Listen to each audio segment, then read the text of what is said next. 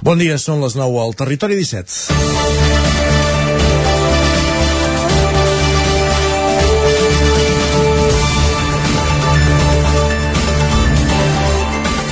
Està per sota de les xifres de fa un any, però la sisena onada de la Covid-19 de la Covid-19 es va fent present a les nostres comarques. Només a Osona dijous constaven 38 ingressats amb coronavirus a l'Hospital Universitari de Vic, pels 53 que hi havia ara fa un any. Ara bé, la dada pràcticament duplica la d'una setmana enrere. Un altre exemple seria el Ripollès, on les dades d'ingressats a l'Hospital de Can de Bànol, un, la setmana passada, estan molt per sota dels 34 de fa un any, la qual cosa va obligar a fer un confinament perimetral.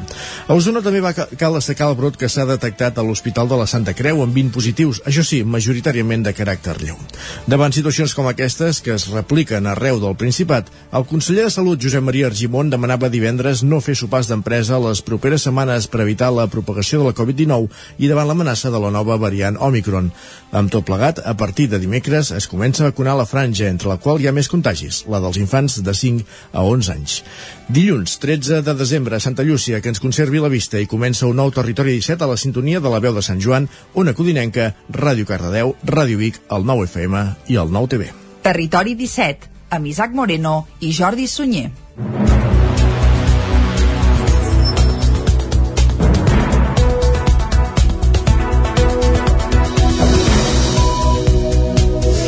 Passa un minut i mig de les 9 del matí d'avui dilluns, dia 13 de desembre de 2021. Arrenca ara mateix un nou Territori 17 que avui, com sempre, durant la primera hora us acostarà tota l'actualitat de les nostres comarques. Després, a partir de les 10, més informació i l'entrevista. Avui, Isaac, per anar des d'Ona Codinenca, oi? Avui anirem a una Codinenca, a una Codinenca correctament, i conjuntament amb la Caral Campàs parlarem amb la Sandra Redondo, filla de la propietària d'un comerç de Caldes, que després de prohibir l'entrada de dues persones sense passaport Covid va rebre les assetjament i amenaces a les xarxes socials. Situacions d'aquestes que, en fi, que val més... En parlarem amb aquesta afectada, en aquest cas. Correcte. Més endavant arribarà el moment de les piulades amb en Guillem Sánchez, la taula de redacció i repassarem com els ha anat esportivament parlant el cap de setmana els equips del nostre territori. A les 11 més informació i arribarà el moment dels solidaris. I avui l'Eloi Puigferrer des de Ràdio Vic aprofundirà en el projecte Gambeta. D'aquí una estona ens explicarà què és. Ara, pla. Uh, no és de gastronòmic, eh, el projecte? Entrem Intuïm? no, entrem Molt bé, ho sabrem, ho sabrem a les 11 tocades. A partir de dos quarts de 12 arribarà el moment d'anar a la R3, a la Trenc d'Alba, com cada dia, i avui, com que és dilluns, acabarem fent tertúlia esportiva amb els nostres tertulians habituals per parlar d'un cap de setmana marcat de nou per aquest Barça que no acaba d'aixecar el vol, eh? El Barça no acaba d'aixecar el vol, el Madrid guanya el derbi amb l'Atlético i encara eixampla més la diferència amb tothom, i això sí, el Barça hi va debutar per primera vegada a la història de la Lliga un usonenc. Va ser el minut 90, Ferran Juglar, de Sant Julià de Vilatorta, debutava ahir amb la samarreta del Barça al Sadar. Doncs tant de bo uh, no, si el veiem de nou al camp no sigui per partits com el d'ahir i Home, va, jugar, va jugar dos minuts i va... Bé, va destacar. Doncs va, doncs aviam si el proper dia Xavi el torna a posar i en traiem una mica de profit d'aquest nou valor de, del planter blaugrana, Jutla. Ara, però, Isaac, el que toca no és parlar de futbol encara, ho farem a la part final del programa, el que toca és acostar a l'actualitat de casa nostra, de les nostres comarques, i ho farem de seguida, com sempre, repassant el més important de les comarques del Ripollès, Osona, el Moianès i el Vallès Oriental. Salut demana no fer sopars d'empresa per Nadal. El conseller Josep Maria Argimon ho va afirmar divendres en una entrevista a TV3 on també va descartar el certificat Covid a infants i va marcar com a prioritària la tercera dosi en els majors de 60. El conseller de Salut, Josep Maria Argimon, ha demanat no fer sopars d'empresa per Nadal per evitar contagis de la Covid-19, que preveu que continuïn creixent almenys en els propers 10 dies.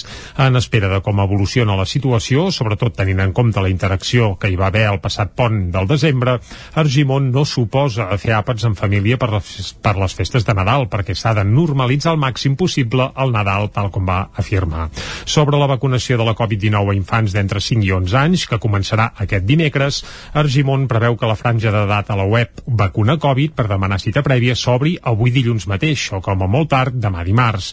El titular de Salut afirma que la vacunació infantil pot ajudar molt a la cobertura poblacional i a la vida escolar, i també deixa clar que la vacuna és segura i que el benefici-risc és favorable si bé no és el mateix que en altres grups d'edat amb més probabilitats de patir una Covid greu. L'objectiu prioritari de salut ara és continuar administrant dosis de reforç als majors de 60 anys. Argimon ha donat per fet que les terceres dosis s'acabaran posant a tota la població adulta, després que hagin rebut l'aprovació dels organismes reguladors i preveu que s'administrin a la franja d'entre 50 i 59 anys a partir de mitjans de gener. La Generalitat anuncia una línia de crèdit de 10 milions d'euros que, perquè puguin sobreviure unes 300 explotacions de llet d'arreu del país. Aquesta i un índex de referència que tindran en compte els costos reals de producció són algunes de les mesures que divendres va posar sobre la taula la consellera Teresa Jordà des de la cooperativa Plana de Vic. El, segons el sector lleter, això els dona oxigen, però no és la solució. En els últims 10 anys a Catalunya han desaparegut gairebé la meitat d'explotacions ramaderes de llet i ara en queden només mig miler. Amb l'objectiu de parar el cop i ajudar el sector, la Conselleria d'Alimentació ha anunciat una triple recepta. La creació a principis del 2022 de l'Institut Català de la Llet i els Productes Làctics, ajudes als ramaders d'entre 15.000 i 50.000 euros i un índex de referència del preu de la llet d'acord amb els costos reals de producció que qui el signi l'haurà de complir. Ho explica la consellera d'Acció Climàtica, Alimentació i Acció Rural Teresa Jordà. Però parlem d'un codi ètic de bones pràctiques en la cadena alimentària. Mm, nosaltres com a administració eh, creiem que és una bona manera de posar-la damunt la taula amb les diferents vàlues de la cadena perquè en els contractes de compra i venda quedi estipulat allò que hi ha. Eh, potser quedarà en evidència qui és eh, que fa explotació o especulació respecte als productors de llet del nostre país. Aquesta mesura dona oxigen a un sector que es troba, però, en una situació molt crítica. Ho detalla Vicenç Febrer, president de la cooperativa Plana de Vic. Hi ha el risc de que, la, que només amb la voluntat de la indústria de distribució no n'hi hagi prou, eh, es trobaran en un escenari de que no hi haurà llet, però és que serà una realitat i el consumidor ha de pagar molt més del que pagara perquè haurà de venir de, de, primera que no, no serà ni llet de, de Catalunya o sigui haurà de venir llet de fora perquè els productors d'aquí no podrem continuar produint llet a pèrdues. El sector reconeix que amb la intervenció de l'administració no n'hi ha prou i que la mesura pot acabar sent paper mullat. El Consell Comarcal del Ripollès presenta la memòria del 2020, on destaca que els usuaris de menjadors escolars s'han multiplicat per 8. S'ha passat de servir 17.700 àpats a més de 119.500.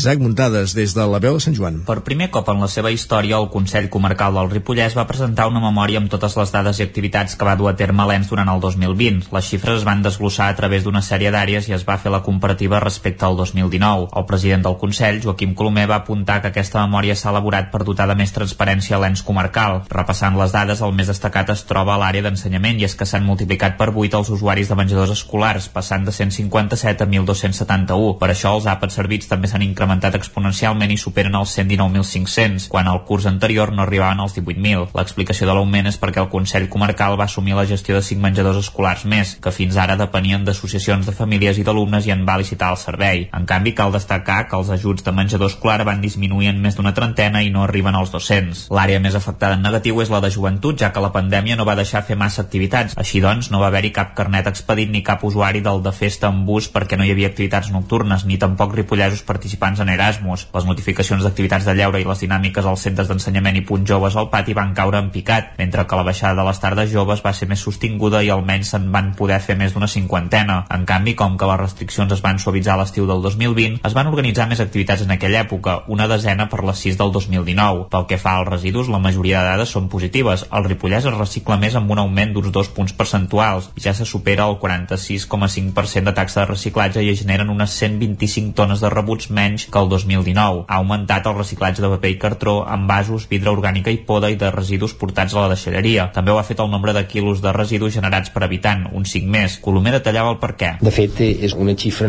normal perquè doncs, tenim en compte que la situació doncs, de Covid que hi ha hagut eh, a casa nostra també doncs, va fer estar molta gent doncs, que, que residís de forma permanent a casa seva i que per tant totes aquestes sortides que es feien en viatges a caps de setmana doncs, no eren possibles i per tant s'ha residit més a l'habitatge el que fa que generin doncs, més residus. Finalment també destaquen els certificats d'identitat digital ITCAT emesos que s'han més que triplicat passant de poc més de 200 a 800. El president també va detallar on es trobaria aquesta memòria. Aquesta memòria doncs, estarà penjada a la pàgina web i la, compartirem i l'enviarem doncs, amb totes les institucions doncs, que el Consell Comarcal té relació i té tracte i per tant es podrà consultar de forma digital. El que en, en principi no farem és imprimir-la perquè també, doncs, com he parlat, doncs, intentem doncs, ser cada vegada més sostenibles. La idea pel 2022 és presentar-la a mitjans de l'anualitat. Santa Maria d'Oló tanca l'any 2021 amb obres i reformes diversos carrers del poble. Caral Campàs, des d'Ona Codinenca. Algunes de les obres de millora que es faran durant el mes de desembre a Oló ja estan en marxa. És el cas del carrer de Vic, on s'ha canviat l'asfalt i les voleres d'un tram del carrer. A més, la setmana que ve començaran les obres per asfaltar el passeig Carme Vidal fins al cementiri i també es refarà el camí de Santa Eulàlia fins a Can Vilà per unir així el Raval amb el nucli del poble. Xavi Baraut és alcalde d'Oló. Sí, a veure, tenim el poble una mica potes en l'aire. Uh, a veure, el, tenim el carrer de Vic, que nosaltres contem que divendres, és a dir, demà, s'asfalti i per tant la setmana que ve quedi enllestit, almenys el que és el, el ferm. Faltarà acabar de posar a la brana, que també es canvia tota, i llavors estem, es començaran a asfaltar el que és el camí fins al cementiri i s'està arreglant eh, un camí que havia sigut, eh, anteriorment ja havia sigut, el que va des del Raval Santa Eulàlia fins, a, fins al poble per, per, per Cal Vila. Per altra banda, també han començat les obres per instal·lar fanals amb llums LED de baix consum al carrer del mig, a la zona pròxima a la fàbrica de plàstics FACA. Baraut explicava que la seva instal·lació responia a diferents peticions de veïns del Raval de Santa Eulàlia. Bueno, es van rebre diferents instàncies de que era una zona fosca, que sobretot a l'estiu, que, que bueno, gent que va caminar, o nanos que baixaven en bicicleta i això, i que era perillosa, es va estar mirant amb l'enginyer, es va veure que, que realment era així i s'ha decidit pues, ficar quatre punts de llum més per, per intentar que, evitar aquesta perillositat. Des de l'Ajuntament calculen que les obres es podran finalitzar abans que acabi l'any. El Centre Social Ocupat l'Espora de Cardedeu ha celebrat aquest diumenge el seu tercer aniversari amb una jornada plena d'activitats. Núria Lázaro, de Ràdio Televisió de Cardedeu. El 6 de desembre feia 3 anys de l'ocupació del bloc del carrer Joan Miró de Cardedeu. El projecte que feia mesos que ja estava era el Centre Social Ocupat de l'Espora, un espai d'autoorganització de les joves del poble que ara s'ha convertit també en una llar.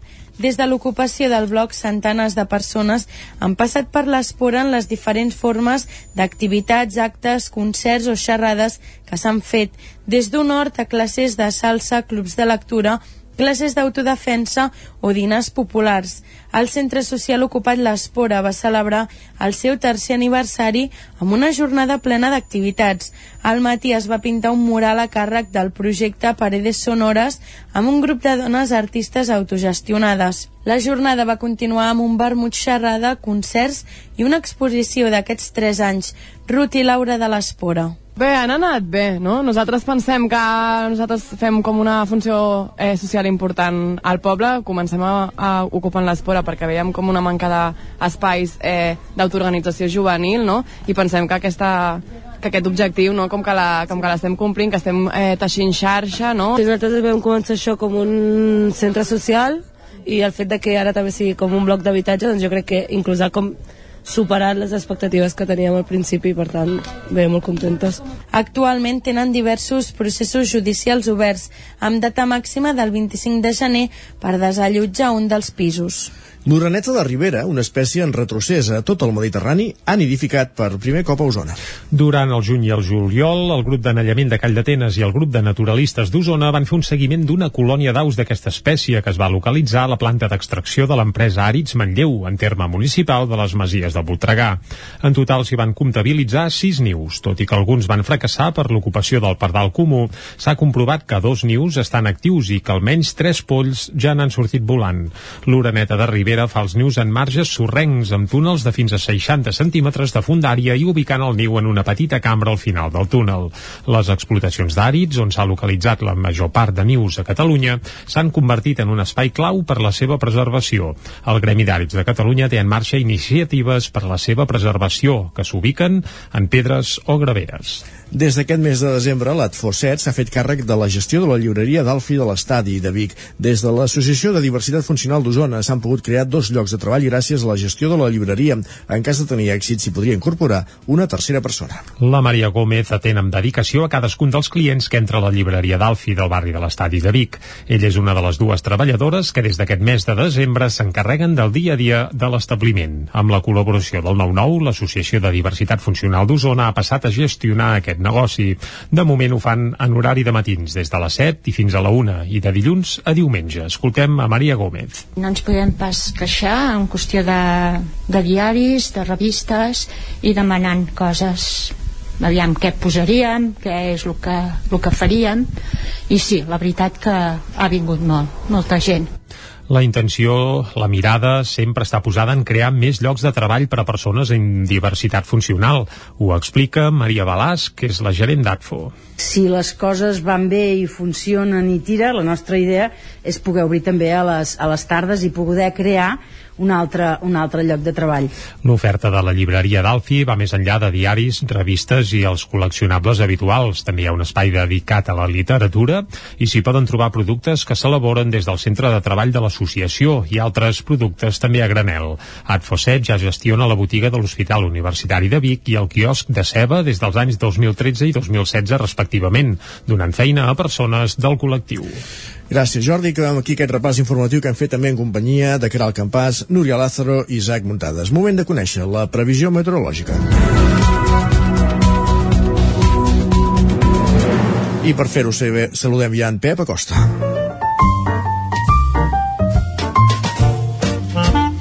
Casa Terradellos us ofereix el temps. Un Pep Acosta que ja el tenim a punt i que ens sembla que ens ve entre cometes, eh? això sí, amb males notícies meteorològicament parlant i és que s'acosten dies d'estabilitat. Eh? Poc, poc moviment. Ah, exacte, exacte, ras i curt. Pep, va, molt bon dia. Hola, molt bon dia ah, Maria. i molt mm. bona setmana. Tu també va. Comencem ja uh, una de les últimes setmanes... De l'any, sí, sí. De l'any. I tant. I ho fem amb un temps que s'ha calmat molt i és que tenim anticicló, anticicló i anticicló per dies i dies. Uh, ja el tenim instal·lat. Tres cops. Al centre d'Europa. És un anticicló enorme, enorme, va de Lisboa fins a Moscou, vull dir, imagineu el gran que és. A més, és molt potent i el tindrem forces dies. És un escenari molt, molt habitual al mes de desembre, al mes de gener, que tinguem aquest anticicló centre-europeu. Uh, això ve després uh, d'uns dies uh, de molt moviment, de vent, de molta neu cap al Pirineu, però tot i així encara hi ha llocs on hi ha molta, molta sequera, uh, cursos fluvials um, molt secs, amb vessaments encara bastant baixos pel que fa a l'aigua. No sé, no m'agrada gaire el l'escenari actual que tenim. Hauria d'haver pogut molt més. Uh, bueno, sí que tenim les reserves d'aigua de la neu que ha caigut, que serà és molt reserva d'aigua però no m'agrada, no m'agrada gens l'escenari en el que estem. Uh, també uh, val a dir que aquest anticicló ens portarà inversió tèrmica, avui ja n'hi ha, uh, fa més fred als fondalades quan vas a alta muntanya, tenim temperatures positives uh, a alta muntanya. I alguna petita glaçada ja cap a, cap a les fondalades, 2 sota 0 a Gurb, 2 graus a Cales de Montbui, en canvi cap a Puig de Zolles, cap a Núria, cap a de Ter, tenim temperatures positives, entre 5, 6, 7 graus, eh? Veieu quin gran contrast pel que fa a les últimes dates, els últims dies. I també comencen a aparèixer les primeres boires. Les primeres boires cap al Mollanès, cap a la Plana Vic, cap a Plana del Vallès. Eh, N'hi ha més els pocs dies amb l'anticicló que es farà més fort i més potent. De moment les boires no seran molt persistents avui, eh, aviat desapareixeran, però els pocs dies seran més intenses i més extenses. I poca cosa més. Uh, de dia, suavitat, uh, sol, temperatures màximes entre els 13 i els 18 graus de màxima. Els pròxims dies anem explicant alguna anècdota, anem explicant alguna, alguna cosa d'aquí a, a final d'any perquè tindrem anticicló per dies i dies. Moltes gràcies i molt bon dia. Adeu. Vinga, que vagi molt bé, Pep. Ostres, Isaac, fins a finals d'any gairebé ja ens, uh, ens, ai, el, ai, ai. ens el posa aquí, eh? Ja va començar a fer córrer la imaginació per explicar-nos historietes aquests dies. Exacte, exacte. doncs va, el seguirem, evidentment, per això aquí a Territori 17, cada dia i cada hora amb Pep Acosta, que ens acosta cada dia la informació meteorològica. I ara anem al quiosc. Exacte, anem-hi. Casa Tarradellas us ha ofert aquest espai. I al quiosc anem a conèixer les portades dels diaris del dia. I com que som dilluns, començarem pel 9-9 i comencem per l'edició d'Osona i el Ripollès, l'edició de color vermell que titula La Generalitat fixarà un índex per evitar que els ramaders cobrin la llet per sota el preu de cost. La consellera Teresa Jordà ho va anunciar durant una visita a la fàbrica de pinso de la cooperativa Plana de Vic, una visita que va fer divendres passat. La fotografia principal és per esports, eh? i és que el Manlleu eufòric per la victòria al derbi de Vic. A primera catalana, aquest cap de setmana va ser vaja, a cap de, cap de setmana de derbis, com passa sovint, però clar, el derbi, el derbi amb majúscules és el Vic-Manlleu i el Manlleu doncs, es va imposar 0 a 3 al camp del Vic uh, i cal dir que la fotografia es veu un grup d'aficionats del Manlleu celebrant-ho eufòrics i aplaudint els seus, els seus jugadors. D'això en parlarem per això també quan fem el repàs esportiu del cap de setmana aquí a Territori 17 i també de Pau Riba a Lluís Llach per recordar Ovidi a Vic. I és que aquest cap de setmana l'Atlàntida va, uh, va acollir el concert de comiat del grup Ovidi 4 aquell megagrup que es va vaja, es va formar fa 3 o 4 anys ja per celebrar el 25è aniversari de commemorar, vaja, de la desaparició d'Ovidi Montlló i han estat 3 o 4 anys girant per tots els països catalans i van tancar la gira a Vic en un concert on per sorpresa van aparèixer entre d'altres Sergi López, l'actor Lluís Llach, sí. el cantautor, Pau Riba Carai.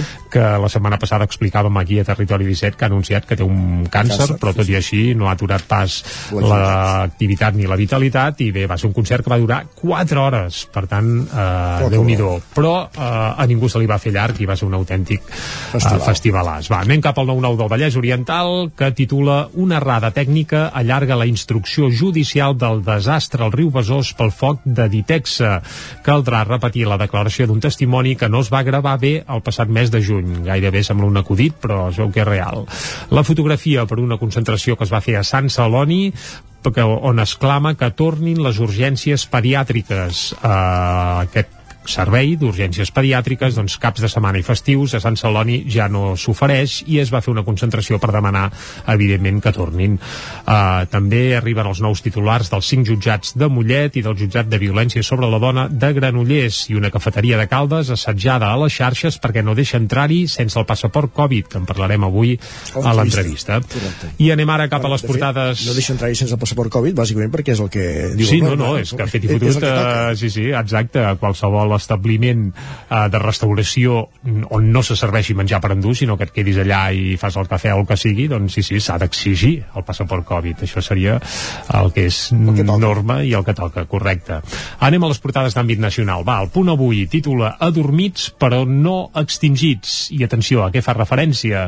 Isaac, els volcans, doncs. Ah. Sí, els volcans d'Olot, eh? bueno, de la Garrotxa. El volcanisme català es manté actiu, tot i que una erupció està del tot descartada. Del tot del tot, això diuen el punt avui eh? per tant en principi podem anar tranquil·lament a fer un vol per la Garrotxa que no ens ha de despategar ni esclatar cap volcà també el Barça només pot empatar i allarga la crisi recordem que ahir va empatar a dos al camp de l'Ossassuna d'això en parlarem també a la part final del territori 17 a la tertúlia esportiva i també es fan ressò que Àngels Chacón liderarà un nou partit de centre a Catalunya la nova formació renunciarà a l'independentisme i se centra en l'eix ideològic. Carai, quants en portem ja? No sé, jo encara la tenia ubicada al PDeCAT i sí, en també. principi encara seria això, però sembla que se'n vol fer una de nova de formació. Ja ho seguirem. Anem cap a l'ara, va. Espanya renuncia a la patent unitària europea per l'absència del castellà l'absència sí. del català no la van ni, ni trobar no, no, a faltar no. ni res, però del castellà es veu que sí. El govern espanyol argumenta que cal defensar l'idioma com a llengua de primer nivell al món. La iniciativa simplificarà gestions, es tramitarà en anglès, francès i alemany i s'engegarà l'any que ve. La fotografia principal és pel Barça, que diuen el Barça no aixeca el cap i amb un 2 a 2 amagat per allà, per allà al costat i eh, el reportatge un metge antivacunes que visita els malalts sense mascareta. Això apareix en un reportatget a l'interior del diari Ara. Anem cap a l'avantguàrdia. Els casos de Covid es dupliquen i posen en alerta als hospitals. Els ingressos, sobretot de gent més gran de 60 anys s'han disparat les últimes dues setmanes i els sanitaris adverteixen que estem a les portes de l'onada de grip per tant, si no vols caldo, dues tasses. Ja sembla que venen, venen mals temps en aquest sentit. També la crescuda del riu Ebre inunda Tudela i a la imatge es veu un carrer amb gent anant en barca, per tant és evident que està ben inundat. Ben inundat sí. Sí, sí. Uh, també parlen de futbol, eh, però ho fan per dir que Martins lidera la golejada de les Blaugrana a Madrid Sí, ja, si hem de parlar de futbol, millor parlar del Barça del femení que no sí, pas sí. del masculí. I també Verstappen aconsegueix el tron de la Fórmula 1 a l'última volta. Es veu que ahir es va decidir el Mundial de Fórmula 1 i no el va guanyar Hamilton. Carai.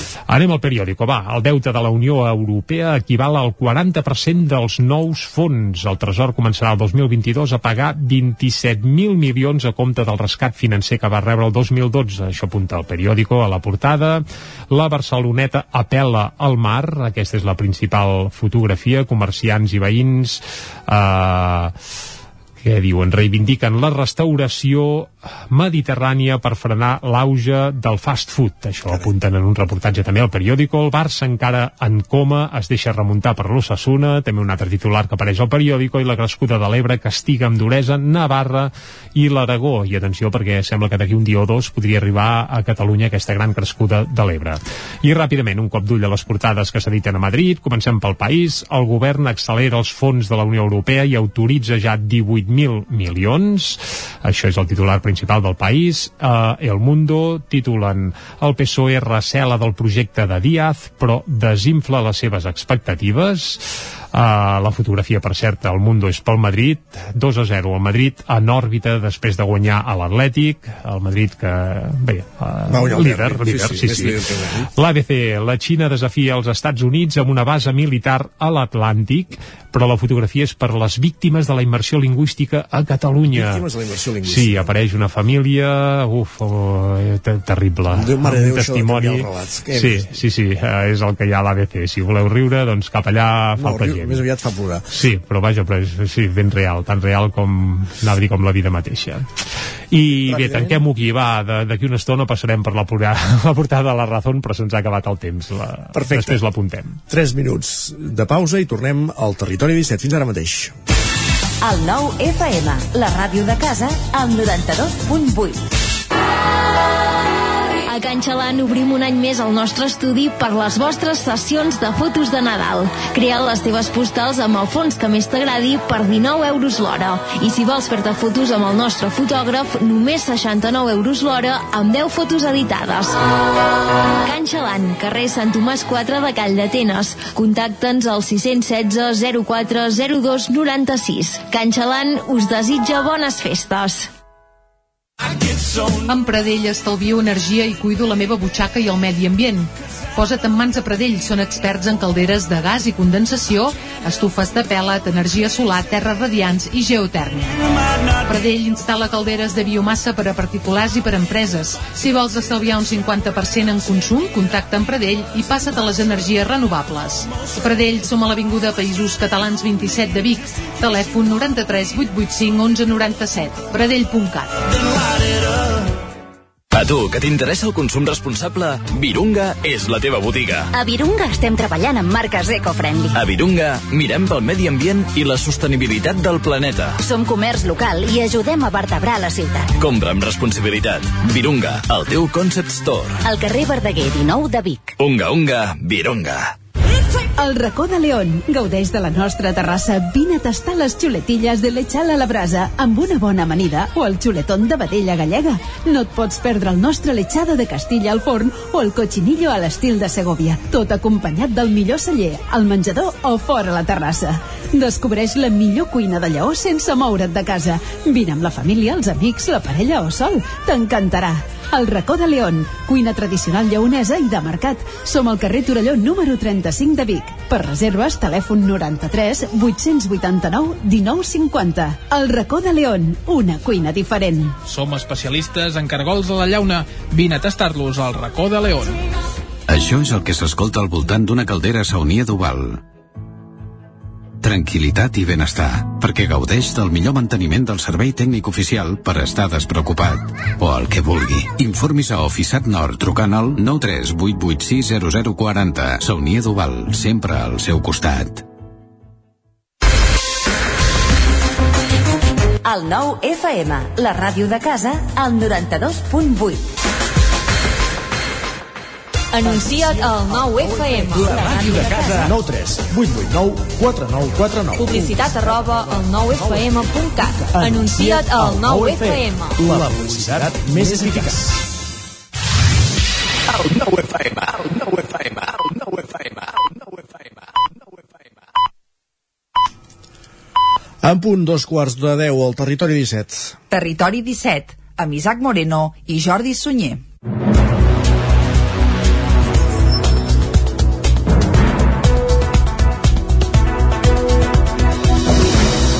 A dos quarts de deu, de seguida el que farem és acostar-vos tota la informació de les nostres comarques per tenir-vos el cas de tot el que es cou a casa nostra. Però ja us avancem pèl abans de les 10 eh, hi posarem música i avui, Isaac, descobrirem qui ha fet la Nadala de Barcelona. Mare de Déu. Ja avancem que és algú de territori 17, eh? Això, això m'agrada més. L'any passat la va fer la Paula Valls. Oh, carai, doncs sempre la venen a buscar aquí dalt. Sí, uh, ho descobrirem d'aquí uns minuts. Va, deixem la incògnita aquí, però ja us avancem que és, que és de casa. Molt bé, va, uh, després a les 10 actuali actualitzarem el butlletí informatiu i després anirem cap a Caldes de Montbui a fer l'entrevista. Correcte, parlarem, com dèiem, amb la Sandra Redondo, filla de la propietària d'un comerç de Caldes, com comentàvem també repassant la portada del 9-9 del Vallès Oriental, eh, que ha tingut problemes, ha patit assetjament després de prohibir l'entrada de dues persones sense passaport Covid. És una cafeteria, com dèiem. Molt bé, després anirem cap a la taula de redacció, abans haurem repassat unes quantes piulades i també farem el repàs esportiu del cap de setmana per saber, a part del derbi entre el Vic i el Manlleu, que va guanyar el Manlleu, doncs què ha passat esportivament parlant a casa nostra aquest cap de setmana. A les 11 amb més informació i arribarà els solidaris. Correcte, des de Ràdio Vic amb l'Eloi Puigferrer i avui parlant del projecte Gambeta.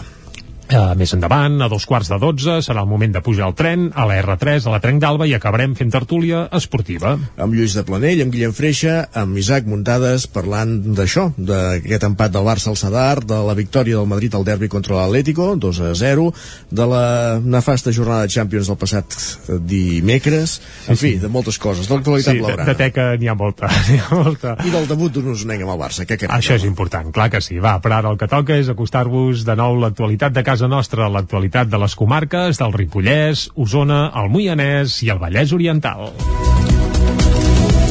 Salut demana no fer sopars d'empresa per Nadal. El conseller Josep Maria Argimon ho va afirmar divendres en una entrevista a TV3 on també va descartar el certificat Covid a infants i va marcar com a prioritària la tercera dosi en els majors de 60.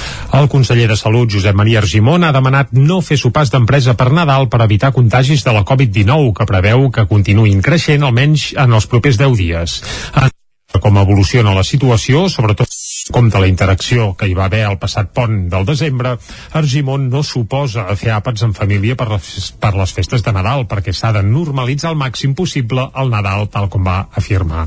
Sobre la vacunació de la Covid-19 a infants d'entre 5 i 11 anys, que començarà aquest dimecres, Argimon preveu que la franja d'edat a la web Vacuna Covid per demanar cita prèvia s'obri avui dilluns mateix, o com a molt tard, demà dimarts. El titular de Salut afirma que la vacunació infantil pot ajudar molt a la cobertura poblacional i a la vida escolar i també deixa clar que la vacuna és segura i que el benefici-risc és favorable, si bé no és el mateix que en altres grups d'edat amb més probabilitats de patir una Covid greu. L'objectiu prioritari de salut ara és continuar administrant dosis de reforç als majors de 60 anys. Argimon ha donat per fet que les terceres dosis s'acabaran posant a tota la població adulta, després que hagin rebut l'aprovació dels organismes reguladors i preveu que s'administrin a la franja d'entre 50 i 59 anys a partir de mitjans de gener.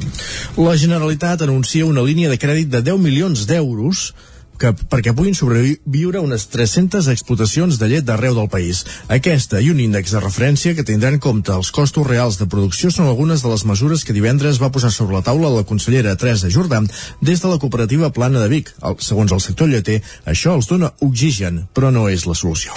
En els últims 10 anys a Catalunya han desaparegut gairebé la meitat d'explotacions ramaderes de llet i ara en queden només mig miler. Amb l'objectiu de parar el cop i ajudar el sector, la Conselleria d'Alimentació ha anunciat una tri possible recepta. La creació a principis del 2022 de l'Institut Català de la Llet i els Productes Làctics, ajudes als ramaders d'entre 15.000 i 50.000 euros i un índex de referència del preu de la llet d'acord amb els costos reals de producció que qui el signi l'haurà de complir. Ho explica la consellera d'Acció Climàtica, Alimentació i Acció Rural, Teresa Jordà. Però parlem d'un codi ètic de bones pràctiques en la cadena alimentària. Mm, nosaltres com a administració eh, creiem que és una bona manera de posar-la damunt la taula amb les diferents vàlues de la cadena perquè en els contractes de compra i venda quedi estipulat allò que hi ha. Eh, potser quedarà en evidència qui és eh, que fa explotació o especulació respecte als productes de llet del nostre país aquesta mesura dona oxigen a un sector que es troba, però, en una situació molt crítica. Ho detalla Vicenç Febrer, president de la cooperativa Plana de Vic. Hi ha el risc de que, la, que només amb la voluntat de la indústria de distribució no n'hi hagi prou, eh, es trobaran en un escenari de que no hi haurà llet, però és que serà una realitat i el consumidor ha de pagar molt més del que paga ara perquè haurà de venir de, de, primera, que no, no serà ni llet de, de Catalunya o sigui, haurà de venir llet de fora perquè els productors d'aquí no podrem continuar produint llet a pèrdues. El sector reconeix que amb la intervenció de l'administració no n'hi ha prou i que la mesura pot acabar sent paper mullat. El Consell Comarcal del Ripollès presenta la memòria del 2020, on destaca que els usuaris de menjadors escolars s'han multiplicat per 8. S'ha passat de servir 17.700 àpats a més de 119.500.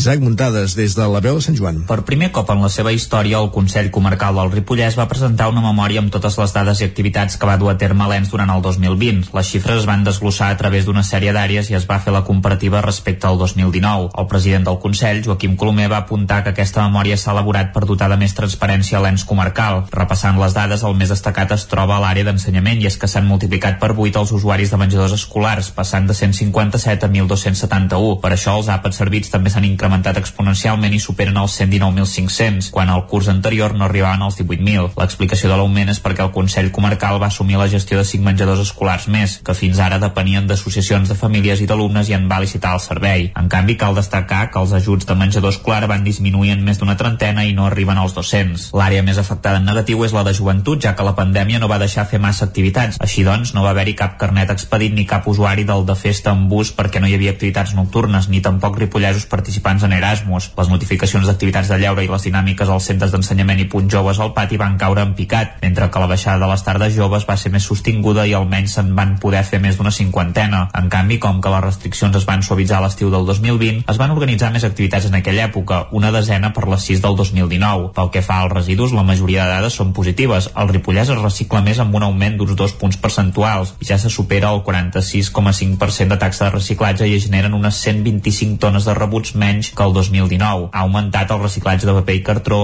envasos, vidre orgànica i poda i de residus portats a la deixalleria. També ho ha fet el nombre de quilos de residus generats per habitant, un 5 més. Colomer detallava el per què. De fet, és una xifra normal perquè doncs, tenim en compte que la situació doncs, de Covid que hi ha hagut eh, a casa nostra també doncs, va fer estar molta gent doncs, que, que residís de forma permanent a casa seva i que per tant totes aquestes sortides que es feien en viatges a caps de setmana doncs, no eren possibles i per tant s'ha residit més a l'habitatge el que fa que generin doncs, més residus. Finalment també destaquen els certificats d'identitat digital ITCAT emesos que s'han més que triplicat passant de poc més de 200 a 800. El president també també va detallar on es trobaria aquesta memòria. Aquesta memòria doncs, estarà penjada a la pàgina web i la, compartirem i l'enviarem doncs, amb totes les institucions doncs, que el Consell Comarcal té relació i té tracte i per tant es podrà consultar de forma digital. El que en, en principi no farem és imprimir-la perquè també, doncs, com he parlat, doncs, intentem doncs, fer cada vegada més sostenibles. La idea pel 2022 és presentar-la a mitjans de l'anualitat. Santa Maria d'Oló tanca l'any 2021 amb obres i reformes diversos carrers del poble. Caral Campàs, des d'Ona Codinenca. Algunes de les obres de millora que es faran durant el mes de desembre a Oló ja estan en marxa. És el cas del carrer de Vic, on s'ha canviat l'asfalt i les voleres d'un tram del carrer.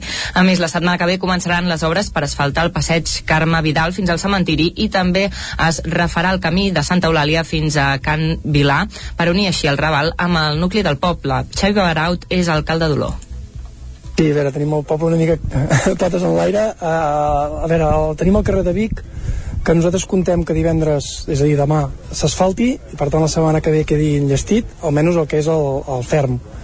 Faltarà acabar de posar a la Brana, que també es canvia tota, i llavors estem, eh, es començaran a asfaltar el que és el camí fins al cementiri i s'està arreglant eh, un camí que havia sigut eh, anteriorment ja havia sigut el que va des del Raval Santa Eulàlia fins, a, fins al poble per, per, per Cal Vilà. Per altra banda, també han començat les obres per instal·lar fanals amb llums LED de baix consum al carrer del mig, a la zona pròxima a la fàbrica de plàstics FACA. Baraut explicava que la seva instal·lació responia a diferents peticions de veïns del Raval de Santa Eulàlia. Bueno, es van rebre diferents instàncies de que era una zona fosca, que sobretot a l'estiu, que, que bueno, gent que va caminar, o nanos que baixaven en bicicleta i això, i que era perillosa, es va estar mirant amb l'enginyer, es va veure que, que realment era així i s'ha decidit pues, ficar quatre punts de llum més per, per intentar que, evitar aquesta perillositat. Des de l'Ajuntament calculen que les obres es podran finalitzar abans que acabi l'any. El Centre Social Ocupat l'Espora de Cardedeu ha celebrat aquest diumenge el seu tercer aniversari amb una jornada plena d'activitats. Núria Lázaro, de Ràdio Televisió de Cardedeu. El 6 de desembre feia 3 anys de l'ocupació del bloc del carrer Joan Miró de Cardedeu. El projecte que feia mesos que ja estava era el Centre Social Ocupat de l'Espora, un espai d'autoorganització de les joves del poble que ara s'ha convertit també en una llar. Des de l'ocupació del bloc, centenes de persones han passat per l'espora en les diferents formes d'activitats, actes, concerts o xerrades que s'han fet, des d'un hort a classes de salsa, clubs de lectura, classes d'autodefensa o dinars populars. El Centre Social Ocupat l'Espora va celebrar el seu tercer aniversari amb una jornada plena d'activitats. Al matí es va pintar un mural a càrrec del projecte Paredes Sonores amb un grup de dones artistes autogestionades. La jornada va continuar amb un vermut xerrada, concerts i una exposició d'aquests tres anys. Ruth i Laura de l'Espora. Bé, han anat bé, no? Nosaltres pensem que nosaltres fem com una funció eh, social important al poble, comencem a, a ocupar l'espora perquè veiem com una manca d'espais eh, d'autoorganització juvenil, no? I pensem que, aquesta, que aquest objectiu, no? com que l'estem complint, que estem eh, teixint xarxa, no? Nosaltres vam començar això com un centre social i el fet de que ara també sigui com un bloc d'habitatge, doncs jo crec que inclús com superat les expectatives que teníem al principi i per tant bé, molt contentes. Actualment tenen diversos processos judicials oberts amb data màxima del 25 de gener per desallotjar un dels pisos. L'oreneta de Ribera, una espècie en retrocés a tot el Mediterrani, ha nidificat per primer cop a Osona. Durant el juny i el juliol, el grup d'anellament de Call d'Atenes i el grup de naturalistes d'Osona van fer un seguiment d'una colònia d'aus d'aquesta espècie que es va localitzar a la planta d'extracció de l'empresa Àrids Manlleu, en terme municipal de les Masies de Voltregà. En total s'hi van comptabilitzar sis nius, tot i que alguns van fracassar per l'ocupació del pardal comú. S'ha comprovat que dos nius estan actius i que almenys tres polls ja n'han sortit volant. L'oreneta de Ribera Ribera fa els nius en marges sorrencs amb túnels de fins a 60 centímetres de fundària i ubicant el niu en una petita cambra al final del túnel. Les explotacions d'àrids, on s'ha localitzat la major part de nius a Catalunya, s'han convertit en un espai clau per la seva preservació. El Gremi d'Àrids de Catalunya té en marxa iniciatives per la seva preservació, que s'ubiquen en pedres o graveres. Des d'aquest mes de desembre, l'Atfoset s'ha fet càrrec de la gestió de la llibreria d'Alfi de l'Estadi de Vic. Des de l'Associació de Diversitat Funcional d'Osona s'han pogut crear dos llocs de treball gràcies a la gestió de la llibreria. En cas de tenir èxit, s'hi podria incorporar una tercera persona. La Maria Gómez atén amb dedicació a cadascun dels clients que entra a la llibreria d'Alfi del barri de l'Estadi de Vic. Ell és una de les dues treballadores que des d'aquest mes de desembre s'encarreguen del dia a dia de l'establiment. Amb la col·laboració del 9-9, l'Associació de Diversitat Funcional d'Osona ha passat a gestionar aquest negoci. De moment ho fan en horari de matins, des de les 7 i fins a la 1 i de dilluns a diumenge. Escoltem a Maria Gómez. No ens podem pas queixar en qüestió de, de diaris, de revistes i demanant coses. Aviam què posaríem, què és el que, el que faríem. I sí, la veritat que ha vingut molt, molta gent la intenció, la mirada, sempre està posada en crear més llocs de treball per a persones amb diversitat funcional. Ho explica Maria Balàs, que és la gerent d'ATFO. Si les coses van bé i funcionen i tira, la nostra idea és poder obrir també a les, a les tardes i poder crear un altre, un altre lloc de treball. L'oferta de la llibreria d'Alfi va més enllà de diaris, revistes i els col·leccionables habituals. També hi ha un espai dedicat a la literatura i s'hi poden trobar productes que s'elaboren des del centre de treball de l'associació i altres productes també a granel. Adfoset ja gestiona la botiga de l'Hospital Universitari de Vic i el quiosc de Ceba des dels anys 2013 i 2016 respectivament, donant feina a persones del col·lectiu.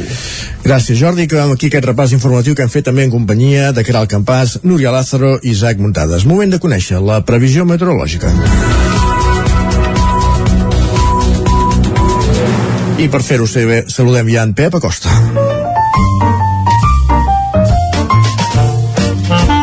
Casa Terradellos us ofereix el temps. Un Pep Acosta que ja el tenim a punt i que ens sembla que ens ve entre cometes, eh? això sí, amb males notícies meteorològicament parlant i és que s'acosten dies d'estabilitat. Eh? Poc, poc moviment. Ah, exacte, exacte, ras i curt. Pep, va, molt bon dia. Hola, molt bon dia ah, Maria. i molt bona setmana. Tu també va. Comencem ja uh, una de les últimes setmanes de l'any, sí, sí. De l'any. I tant. I ho fem amb un temps que s'ha calmat molt i és que tenim anticicló, anticicló i anticicló per dies i dies. Com uh, ja el tenim instal·lat. Tres cops. Al centre d'Europa. És un anticicló enorme, enorme, va de Lisboa fins a Moscou, vull dir, imagineu el gran que és. A més, és molt potent i el tindrem forces dies. És un escenari molt, molt habitual al mes de desembre, al mes de gener, que tinguem aquest anticicló centre-europeu.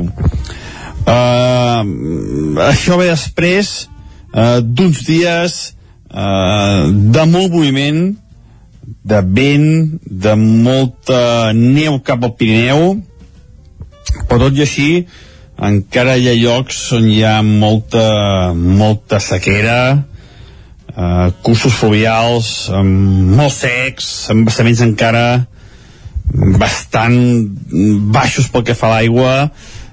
No sé, no m'agrada gaire l'escenari actual que tenim. Hauria d'haver pogut molt més.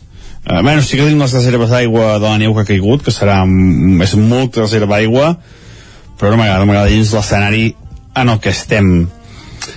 Uh, també uh, val a dir que aquest anticicló ens portarà inversió tèrmica. Avui ja n'hi ha uh, fa més fred als fondalades com vas a alta muntanya. Tenim temperatures positives uh, a alta muntanya i alguna petita glaçada ja cap a, cap a les fondalades 2 sota 0 a Gurb 2 graus a Cales de Montbui. En canvi cap a Puig de Zolles cap a Núria, cap a de Ter tenim temperatures positives entre 5, 6, 7 graus eh? veieu quin gran contrast pel que fa a les últimes dates, els últims dies. I també comencen a aparèixer les primeres boires. Les primeres boires cap al Moianès, cap a la Plana Vic, cap a Plana del Vallès. Eh, N'hi ha més els pocs dies amb l'anticicló que es farà més fort i més potent. De moment les boires no seran molt persistents avui, eh, aviat desapareixeran, però els pròxims dies seran més intenses i més extenses. I poca cosa més. Uh, de dia, suavitat, uh, sol, temperatures màximes entre els 13 i els 18 graus de màxima. Els pròxims dies anem explicant alguna anècdota, anem explicant alguna, alguna cosa d'aquí a, a final d'any perquè tindrem anticicló per dies i dies. Moltes gràcies i molt bon dia. Adeu. Vinga, que vagi molt bé, Pep. Ostres, Isaac, fins a finals d'any gairebé ja ens, el, ens, el, ai, ai. ens el posa aquí, eh? Ja va començar a fer córrer la imaginació per explicar-nos historietes aquests dies. Ah, exacte, exacte. doncs va, el seguirem, evidentment, per això aquí a Territori 17 cada dia i cada hora amb Pep Acosta, que ens acosta cada dia la informació meteorològica. I ara anem al quiosc. Ah, exacte, anem-hi. Casa Tarradellas us ha ofert aquest espai. I al quiosc anem a conèixer les portades dels diaris del dia. I com que som dilluns, començarem pel 9-9 i comencem per l'edició d'Osona i el Ripollès, l'edició de color vermell que titula La Generalitat fixarà un índex per evitar que els ramaders cobrin la llet per sota el preu de cost. La consellera Teresa Jordà ho va anunciar durant una visita a la fàbrica de pinso de la cooperativa Plana de Vic, una visita que va fer divendres passat. La fotografia principal és per esports, eh? i és que el Manlleu eufòric per la victòria al derbi de Vic, a primera catalana, aquest cap de setmana va ser vaja, cap, de, cap de setmana de derbis, com passa sovint, però clar, el derbi, el derbi en majúscules és el Vic-Manlleu i el Manlleu doncs, es va imposar 0 a 3 al camp del Vic. Uh, I cal dir que a la fotografia es veu un grup d'aficionats del Manlleu celebrant-ho eufòrics i aplaudint els seus, els seus jugadors.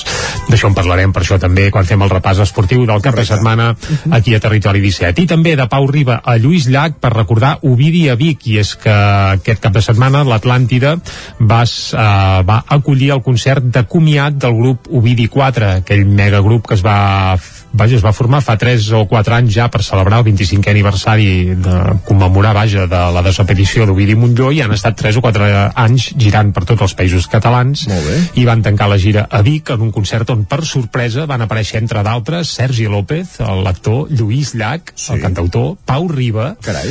que la setmana passada explicàvem aquí a Territori 17 que ha anunciat que té un càncer, càncer però tot sí, i així no ha aturat pas l'activitat ni la vitalitat i bé, va ser un concert que va durar 4 hores per tant, eh, déu nhi però eh, a ningú se li va fer llarg i va ser un autèntic Festival. eh, festivalàs. Va, anem cap al 9-9 del Vallès Oriental que titula Una errada tècnica allarga la instrucció judicial del desastre al riu Besòs pel foc de Ditexa.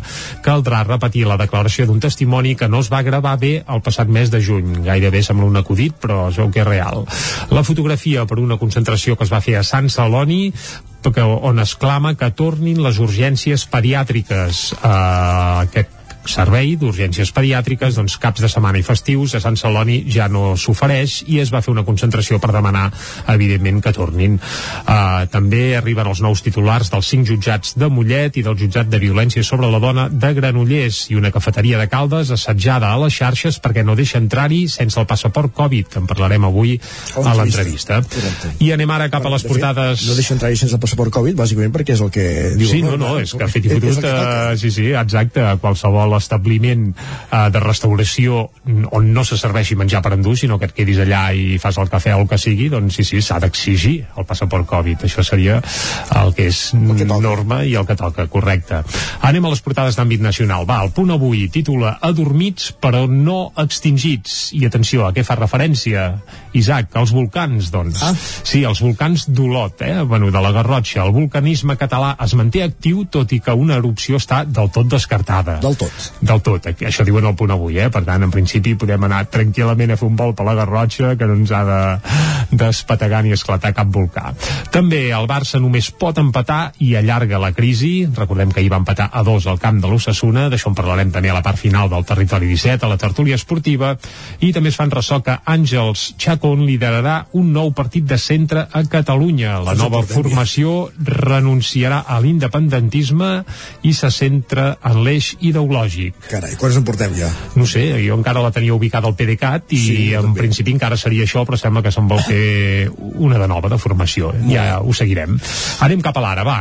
Espanya renuncia a la patent unitària europea per l'absència del castellà uh, l'absència del català no la van ni, ni trobar no, no, a faltar no. ni res, però del castellà es veu que sí. El govern espanyol argumenta que cal defensar l'idioma com a llengua de primer nivell al món. La iniciativa simplificarà gestions, es tramitarà en anglès, francès i alemany i s'engegarà l'any que ve. La fotografia principal és pel Barça, que diuen el Barça no aixeca el cap i amb un 2 a 2 amagat per allà, per allà al costat i eh, el reportatge un metge antivacunes que visita els malalts sense mascareta. Això apareix en un reportatget a l'interior del diari Ara. Anem cap a l'avantguàrdia. Els casos de Covid es dupliquen i posen en alerta als hospitals. Els ingressos, sobretot de gent més gran de 60 anys s'han disparat les últimes dues setmanes i els sanitaris adverteixen que estem a les portes de l'onada de grip per tant, si no vols caldo, dues tasses ja sembla que venen, venen mals temps en aquest sentit. També la crescuda del riu Ebre inunda Tudela i a la imatge es veu un carrer amb gent anant en barca, per tant és evident que està ben inundat, ben inundat sí. sí, sí. Uh, també parlen de futbol, eh, però ho fan per dir que Martins lidera la golejada de les Blaugrana a Madrid Sí, ja, si hem de parlar de futbol, millor parlar del Barça femení que no sí, pas sí. del masculí. I també Verstappen aconsegueix el tron de la Fórmula 1 a l'última volta. Es veu que ahir es va decidir el Mundial de Fórmula 1 i no el va guanyar Hamilton. Carai. Anem al periòdico. Va, el deute de la Unió Europea equival al 40% dels nous fons. El Tresor començarà el 2022 a pagar 27.000 milions a compte del rescat financer que va rebre el 2012. Això apunta el periòdico a la portada. La Barceloneta apela al mar. Aquesta és la la principal fotografia, comerciants i veïns. Eh, que diuen reivindiquen la restauració mediterrània per frenar l'auge del fast food. Això apunten en un reportatge també al periòdico. El Barça encara en coma es deixa remuntar per l'Ossassuna, també un altre titular que apareix al periòdico, i la crescuda de l'Ebre castiga amb duresa Navarra i l'Aragó. I atenció perquè sembla que d'aquí un dia o dos podria arribar a Catalunya aquesta gran crescuda de l'Ebre. I ràpidament, un cop d'ull a les portades que s'editen a Madrid. Comencem pel país. El govern accelera els fons de la Unió Europea i autoritza ja 18 1.000 milions. Això és el titular principal del país. Uh, El Mundo titulen el PSOE recela del projecte de Díaz, però desinfla les seves expectatives. Uh, la fotografia, per cert, El Mundo és pel Madrid. 2 a 0 al Madrid, en òrbita després de guanyar a l'Atlètic. El Madrid que, bé, uh, líder, líder, sí, sí. sí, sí. L'ABC, la Xina desafia els Estats Units amb una base militar a l'Atlàntic, però la fotografia és per les víctimes de la immersió lingüística lingüística a Catalunya. Víctimes de la immersió lingüística. Sí, apareix una família, uf, oh, terrible. Déu, mare Déu, testimoni. Sí, sí, sí, eh, és el que hi ha a l'ABC. Si voleu riure, doncs cap allà no, falta gent. Més aviat fa plorar. Sí. Ens falta la raó, Jordi. Sí, sí, sí, ens falta la raó. Va, la raó, la fotografia principal torna a ser pel Madrid, el Madrid més líder després del derbi, amb una fotografia de Benzema celebrant un dels gols que va fer ahir, i el titular principal és pel PP, que, atenció, perd dos escanyos en un mes, evidentment això segons una enquesta que s'han fet ells mateixos, però podria governar gràcies a Vox. Per tant, l'alarma no és tan tràgica perquè gràcies a Vox encara aconseguirien superar Pedro Sánchez, això en el capdavant de, bé, d'unes hipotètiques eleccions que es fessin a l'estat espanyol. Això és el que apunta la raó a la portada d'avui. Doncs va arribar d'aquest punt, posem-hi música per desengreixar una mica. Va, i hem avançat que avui descobrirem qui ha fet la Nadala de Barcelona. L'any passat l'Ajuntament de Barcelona es va inventar, a part de fer pessebres, que això ho fan cada any amb una polèmica que, que vaja, que es volota el galliner i que té entretinguts els tertulians de la capital durant 15 dies, doncs es van inventar això de fer la Nadala de l'any a Barcelona i cada any encarreguen algun músic doncs una Nadala amb temàtica bé barcelonina, nadalenca, etc etc. L'any passat qui va estrenar aquesta nova fórmula de celebrar el Nadal a la capital catalana va ser Paula Valls, que ve de Barcelonina no en té gaire perquè és de Manlleu, tot i que sí que és veritat que hi viu, sí, sí, sí, sí. I aquest any ja l'estem escoltant de fons, aviam si endevines qui són. No és una, són tres. Són tres, correcte, quatre, si contem l'Albert Bartolomé que toca el piano. Són les Seis Sisters i elles han estat les encarregades de fer la Nadala d'aquest any a Barcelona. Per tant, si aneu per Barcelona, pels altaveus, us amatrellaran amb petites coses. Aquest és el títol de la Nadala que han fet expressament les Seis Sisters per celebrar el Nadal a Barcelona. Ja veiem que a Barcelona, si volen fer Nadales amb cara i ulls, han de tirar del talent usonenc, Exacte. perquè les Eight Sisters, home, també n'hi ha alguna que dorm a Barcelona, bé, un parell, bàsicament, però exerceixen d'usonenques i són totes d'Osona Sud, i tant que sí, de, de Centelles i Balanyà. Escoltem, Escoltem aquest Petites Coses i aprofitem ja per desitjar, bon Nadal a tothom, també, des d'aquí, des de Territori 17, però encara ens queden dies, eh, d'aquí sí, Nadal. Sí, de fet, el 24 serem aquí encara. I tant, i tant, i tant. I, i us ho desitjarem també. Va, vinga, petites coses amb les Seis Sisters. Amb això arribem fins a les 10.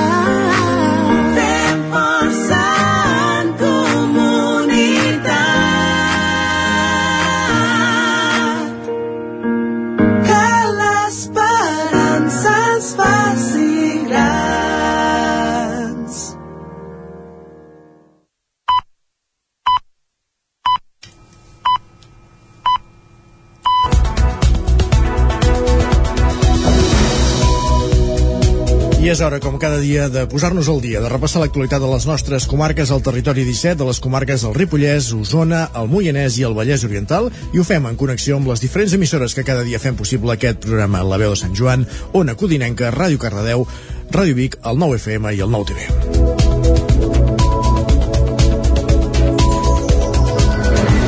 Anem fins al Ripollès perquè el risc de rebrot i la taxa de propagació del virus cauen en picat al Ripollès després de setmanes en una situació crítica. Isaac Muntades, des de la veu de Sant Joan. Després d'unes setmanes complicades en l'àmbit epidemiològic per l'expansió de la Covid-19 al Ripollès, la comarca gairebé s'ha recuperat i ha tornat a unes xifres més positives, tot i que encara són elevades. Per exemple, l'índex de risc de rebrot és de 490 punts, una xifra dolentíssima però que dista molt dels més de 1.400 punts de fa tres setmanes. La millora sí que s'ha fet palesa en la taxa de propagació del virus URT, que ha caigut molt per sota de l'1 i ja només és de 0,54 punts, que fa pintar de verd el mapa del Ripollès, un fet que fa temps que no es veia. Els positius detectats també han baixat dràsticament i s'han passat de detectar-ne més de 160 a la setmana a només 67 entre el 2 i el 8 de desembre, tot i que encara s'ha de veure quin serà l'efecte del pont de la Puríssima. En canvi, la taxa de positivitat es manté alta i supera el 9%. A l'Hospital Comarcal del Ripollès de Camp de Bànol continua 22 persones ingressades amb la malaltia i a la comarca s'han produït produït 92 defuncions des de l'inici de la pandèmia. La taxa de vacunació de la comarca també és molt bona i gairebé el 77% dels ripollesos tenen administrada la pauta completa de la vacuna contra la Covid-19. A més, com que al Ripollès la població és molt envellida i ja s'està vacunant amb la tercera dosi les persones majors de 70 anys, ja hi ha gairebé un 18% dels habitants de la comarca que han rebut tres punxades. L'acumulació de casos detectats al Ripollès ja supera els 3.800 des que va esclatar la crisi sanitària el mes de març del 2020. 47 municipis usonencs rebran entre 20.000 i 50.000 euros per les inversions que hagin fet en matèria d'energies renovables o bé que permetin millorar la seva eficiència.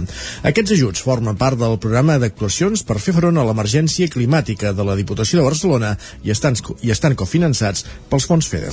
Els consistoris podran recuperar entre 20.000 i 50.000 euros de les inversions que hagin fet en matèria d'acció climàtica, és a dir, en instal·lacions de plaques fotovoltaiques per l'autoconsum en, edifici, en edificis públics, en millores en l'enllumenat de la via pública substituint antics elements per bombetes LED o, per exemple, en sistemes de recollida de residus amb tancaments intel·ligents. Tres línies d'actuació que formen part del programa d'actuacions per fer front a l'emergència climàtica de la Diputació de Barcelona. Els consistoris rebran com a mínim una assignació de 20.000 euros un cop justifiquin les inversions en factures de qualsevol d'aquestes línies. Un exemple d'això es troba a Santa Maria d'Oló, que rebrà més de 27.000 euros. Sense aquestes ajudes, cofinançades amb fons FEDER, no tindrien la possibilitat de tirar endavant projectes. Xavier Baraut és l'alcalde de Santa Maria d'Oló. Som un poble molt petit la, en la qual eh, sense aquests ajuts eh, no, no, podríem, no podríem abarcar eh, aquests projectes. També eh, tenim un parell de calderes de biomassa aquí al poble, s'està projectant i estudiant de, de ficar una tercera que pogués abarcar més d'un edifici, però clar, sense les ajudes de diputació a pobles com el nostre eh, és impossible. A Osona arribaran un total d'un milió 516.000 euros. Rebran la subvenció 47 municipis. Són Centelles, Vic, Torelló, Tona, Taradell, Roda o Manlleu, que en rebran 50.000, tots aquests que hem citat, i d'altres municipis, per exemple, com Balanyà, en rebran 48.000, Sant Pere de Torelló, 38.000, les Masies de Voltregà, 43.000, Muntanyola, 24.000, o Tavernoles en rebrà 22.000. I lligat amb aquests ajuts per combatre l'emergència climàtica, l'Ajuntament d'Oló instal·larà plaques solars al pavelló del municipi durant el 2022, que era el campàs des d'Ona Codinenca. L'Ajuntament d'Oló destinarà el finançament del nou pla de xoc de la Diputació a la instal·lació de plaques solars al pavelló municipal. L'anunci es va fer durant la presentació del nou pla de xoc de la DIVA a Santa Maria d'Oló, com anunciàveu ara des del 9FM. Xavi Baraut, alcalde d'Oló, afirmava que sense ajudes com aquesta els municipis petits no podien assumir aquestes inversions. Amb aquest programa, la DIVA vol contribuir en la feina que ja fan els ajuntaments per lluitar contra l'emergència climàtica i ho fa a través de rebaixar el cost de la factura de l'energia i augmentar augmentar l'autoconsum. Els ajuntaments que s'acullin als ajuts podran distribuir la dotació econòmica entre les tres línies d'actuació del programa, que són la instal·lació de plaques fotovoltaiques per l'autoconsum en edificis públics, la millora de l'enllumenat públic exterior amb bombetes LED i la inversió en sistemes de recollida de residus amb tancaments intel·ligents. A Olor ja tenen pensats com invertiran els recursos. Xavi Baraut. Bueno, aquestes, aquestes subvencions eh, són, són diners que porta Diputació sense tenir que presentar cap mena de, de document, sinó justificant-les directament. I nosaltres aquí al poble doncs, eh, tenim tres, eh, tres edificis més que estem estudiant de ficar plaques solars, quan és el, el pavelló, que aquest ja tenim el projecte fet i estem esperant la, la subvenció econòmica per, per poder tirar endavant, i dos estudis que, que s'han començat, que és a l'escola, a l'escola Sesmont, i, a l'espai a Malosa. De fet, Olor s'està posant les piles en matèria de sostenibilitat. En els últims anys ha renovat la xarxa d'enllumenat públic amb leds de baix consum i ha instal·lat dues calderes de biomassa per a equipaments públics. El següent pas és acabar d'instal·lar plaques fotovoltaiques als altres equipaments municipals, començant amb el pavelló municipal durant el 2022. El Voluntariat de Protecció Civil de Catalunya rebrà la Creu de Sant Jordi. L'Associació de Voluntaris de Cardedeu va ser una de les primeres entitats de protecció civil que es van registrar al país. Núria Lázaro, des de Ràdio Televisió de Cardedeu. Recordem que l'allurament de les Creus de Sant Jordi es fa aquest dimarts. Ara sí, Núria Lázaro. La Generalitat de Catalunya ha distingit amb la Creu de Sant Jordi l'Associació de Voluntaris de Protecció Civil de Catalunya, de la qual en forma part l'Associació de Voluntaris de Protecció Civil de Cardedeu, en reconeixement a la tasca de servei a la societat en situacions de risc i d'emergència, de les quals la pandèmia n'ha estat recentment una mostra significativa. Alhora, destaca la tasca altruista de servei a la ciutadania que exerceix el col·lectiu de voluntaris de protecció civil. La Creu de Sant Jordi la recolliran els voluntaris d'Argentona, la primera associació de voluntaris de protecció civil que es va registrar a Catalunya de les 156 actuals, tot i que la primera en crear-se de forma informal va ser la de Cardedeu. El màxim guardó que atorga la Generalitat és, per tant, un homenatge a tot el voluntariat de protecció civil de Catalunya. Vic ha acollit aquest cap de setmana la quarta edició del FLIC, festival, un esdeveniment familiar per promoure la literatura i les arts infantils i juvenils. I un dels atractius del certamen va ser l'estrena de Secrets de Casino, un espectacle que va recórrer tots els espais de l'equipament biguetà amb històries personals de persones que, des de fa molts anys, estan vinculades al casino. La Montse Chandri i la Maria Dolors Segura fa 40 i 53 anys, respectivament, que són sòcies del Casino de Vic. En Joan Martínez, per la seva banda, en fa 8, que és el president del Club d'Escacs Vic. Tots tres han estat gran part de la seva vida vinculats a l'equipament biguetà. Ara, en el marc del Flick Festival, han hagut de compartir una de les seves vivències al casino. Chandri, per exemple, s'ha remuntat a principis dels anys 80, quan les dones no podien participar activament del dia a dia del casino. Escoltem a Montse Chandri. Les dones al principi no podien ser sòcies del casino, eh, només podien venir amb els marits i a les festes que hi havia durant l'any la castanyada, el, la rebella de Sant Joan o aquestes festes, però a partir dels anys 90 doncs llavors les dones ja s'han pogut anar fent sòcies i ara doncs ja és normal que una dona sigui sòcia del casino. El recull de totes aquestes vivències era l'eix vertebrador de Secrets de Casino, un espectacle que es va estrenar dissabte i que amb la narració de Gisela Llimona recorria tots els espais de l'equipament. Germán Machado, Teresa Saborit i Joan Roca, escriptors vinculats a la capital usonenca, van ser els encarregats de portar totes aquestes vivències personals al terreny literari, una tasca que van fer seguint el fil conductor del FLIC 2021, els límits entre la realitat i la ficció. Teresa Saborit. Les dones al principi el nostre rol ha estat que ens hem reunit amb socis del casino, ens han explicat vivències, testimonis que han viscut aquí a, a, en aquest casino i nosaltres hem agafat els seus records i els hem convertit en ficcions. Per tant, hi haurà part real, part que ens hem inventat, part que potser ens creiem que era real i no ho era. Per tant, haurà de venir la gent a escoltar-ho per descobrir quina part hi ha de veritat. El Flick Festival, que es va fer durant tot el cap de setmana al Casino de Vic, es va completar amb altres activitats amb l'objectiu de promoure la literatura infantil i juvenil. Helena Guardiola i Josep Aladi Baños han presentat a Vic contribucions dels metges catalans a la història de la medicina, una visió a través dels epònims, un llibre que la membre de la Reial Acadèmia de Medicina de Catalunya i el rector de la Universitat de Vic han escrit a quatre mans. Es tracta d'un recull d'epònims mèdics associats a 26 metges de Catalunya. La sala de la columna de l'Ajuntament de Vic va acollir dijous la presentació de contribució dels metges catalans a la història de la medicina, una visió a través dels epònims. Un llibre que Helena Guardiola, membre de la Reial Acadèmia de Medicina de Catalunya, i Josep Aladi Baños, rector de la Universitat de Vic, han escrit a quatre mans. Des del públic seguia la presentació el biguetà Antoni Vallès, que des de l'any 2014 compta amb un tipus d'arrítmia amb el seu nom, ja que ell mateix la va descobrir. Casos com el de Vallès són els que recull el llibre de Guardiola i Baños Baños. La seva publicació inclou més de 20 anys d'investigació, un període que els ha servit per identificar més d'un centenar de contribucions de metges i metgesses catalanes a la història de la medicina.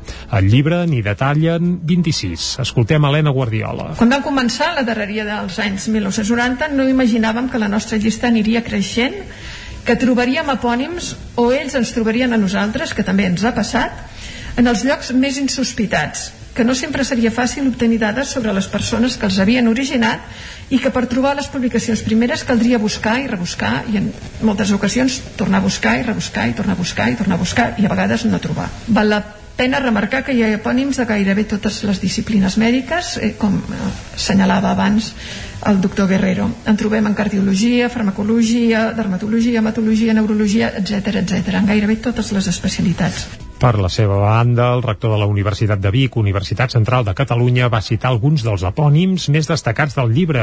Escoltem a Josep Aladi Baños. El Gaspar Casal va descriure l'anomenat collar de Casal o la malaltia de Casal, que és la palagra. És una malaltia per un dèficit de vitamina B3. L'epònim més conegut, el més antic, però el més conegut, també com ha citat la doctora Guardiola, és el lligament de Gimbernat també és curiós que l'epònim mèdic més conegut no ho sigui d'un metge, perquè Gimbernat era cirurgià i no metge. El llibre, que també s'ha traduït a l'anglès, ha comptat amb el suport de la Fundació Doctor Antoni Esteve. Acabem aquí, gràcies Jordi. Acabem aquest repàs informatiu que començàvem a les 10 que hem fet en companyia de Jordi Sunyer, Isaac Muntades, Caral Campàs i Núria Lázaro. Tot seguit, moment de conèixer la previsió meteorològica, moment de saludar en Pep Acosta.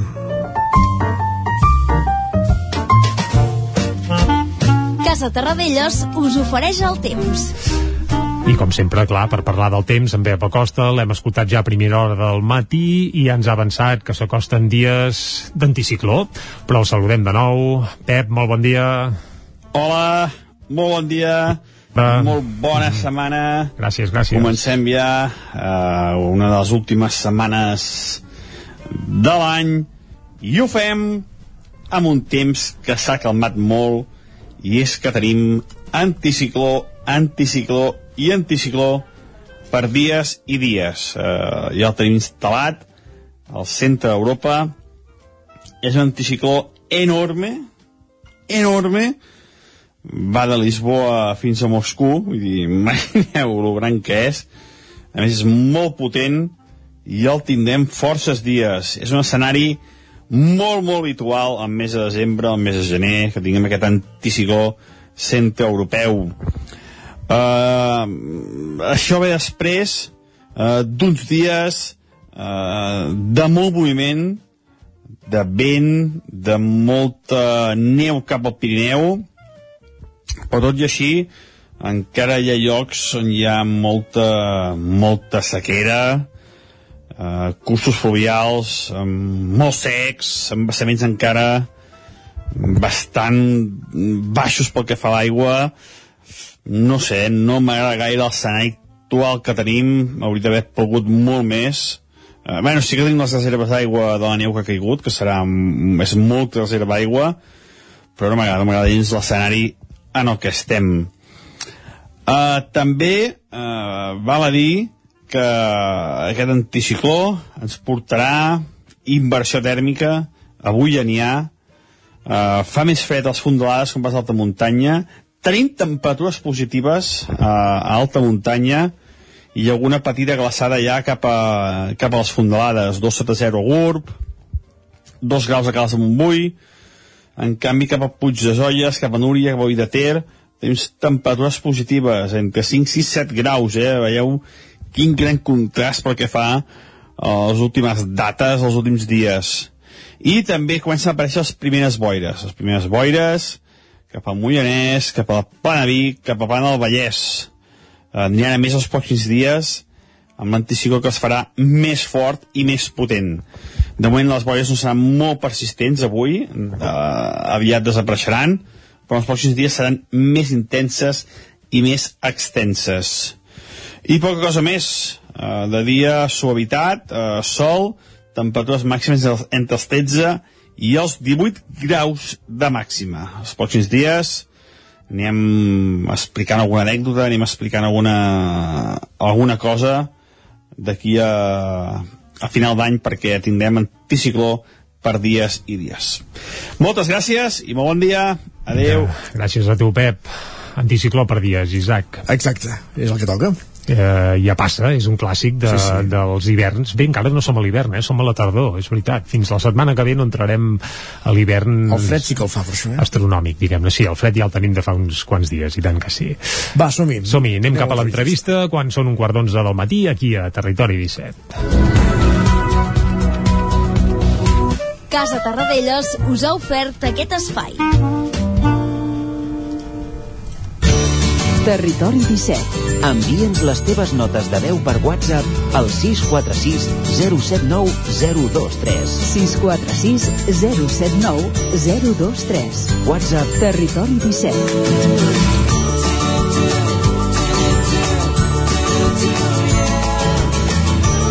Territori 17. Som a Facebook, Twitter i Instagram amb l'usuari Territori 17.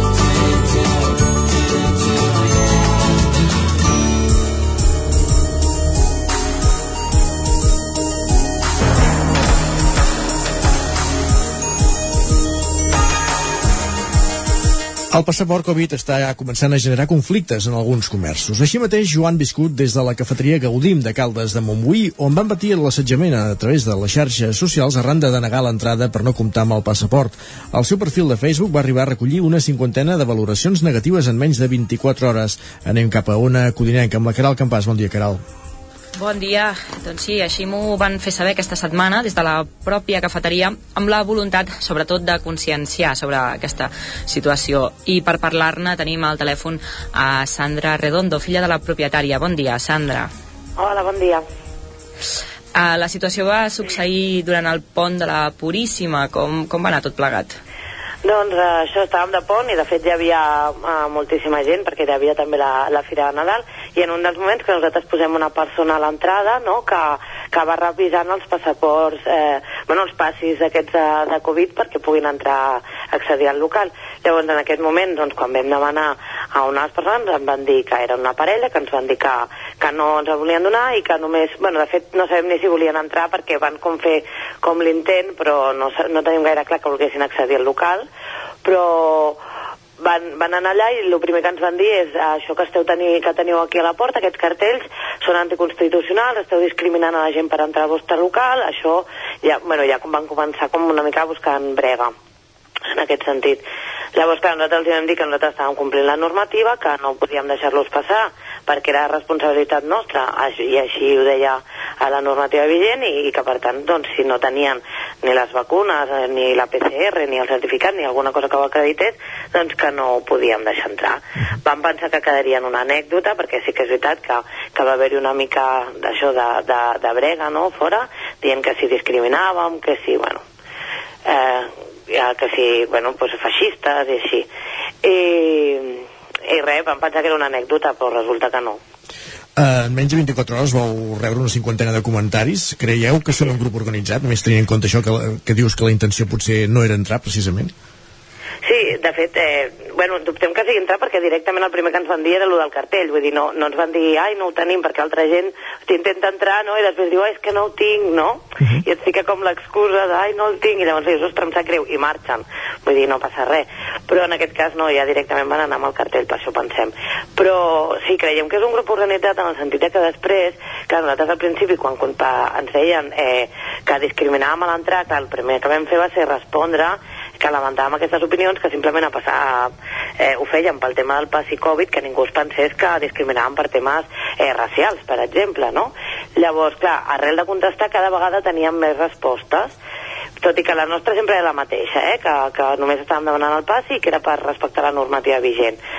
Llavors, a, a partir d'aquí, rebem un munt de comentaris en molt poc temps i quan entrem en els perfils d'aquestes persones veiem que aquests mateixos comentaris també s'estan fent a altres llocs com al Beach Club de Benidorm, al Círculo de los Amigos d'un altre espai, bueno, vull dir, a diferents bars s'està efectuant el mateix i doncs això que, que veiem que són les mateixes persones que ho fan i a més a més totes de, de perfils de, de fora, vull dir, gent de Tenerife, gent de, vull dir que potser sí que hi havia algú de Madrid, de Tenerife, de Segovia o d'on sigui, però dubtem que sigui així perquè, no, bueno, nosaltres de fet només hem tingut problema amb dues persones, no amb 50. A, a alguns dels comentaris al perfil eh, són uh, me dejan en la calle como un perro polvoso por no estar vacunado, discriminación vulnerando derechos humanos, uh, coses d'aquest tipus. El perfil ha passat de tenir 5 a 2 estrelles. Com, com us afecta això? Clar, a nosaltres això ens afecta perquè tots els comentaris que ens fan, vulguis o no, sempre teníem comentaris molt bons, no? Dins, doncs, alabant el nostre cafè, la nostra xocolata, les creps, perquè al final nosaltres som un negoci petit i d'això la gent, quan ho veuen a les valoracions, també la gent de Caldes potser no tant perquè ja ens coneixen, però la gent de fora decideix anar o no al teu local o reservar-te o no una taula. Llavors, clar, ara hem passat de 5 valoracions a dues, que entenem que la gent que entri i vegi aquestes valoracions ja veurà que és per aquest sentit i que, bé, doncs podran seguir venint, però potser hi ha gent que si directament veu a la valoració general un 2 ja decideixen no entrar al local o no passar-se per allà. Si no entren, diguéssim, a mirar cadascun dels comentaris.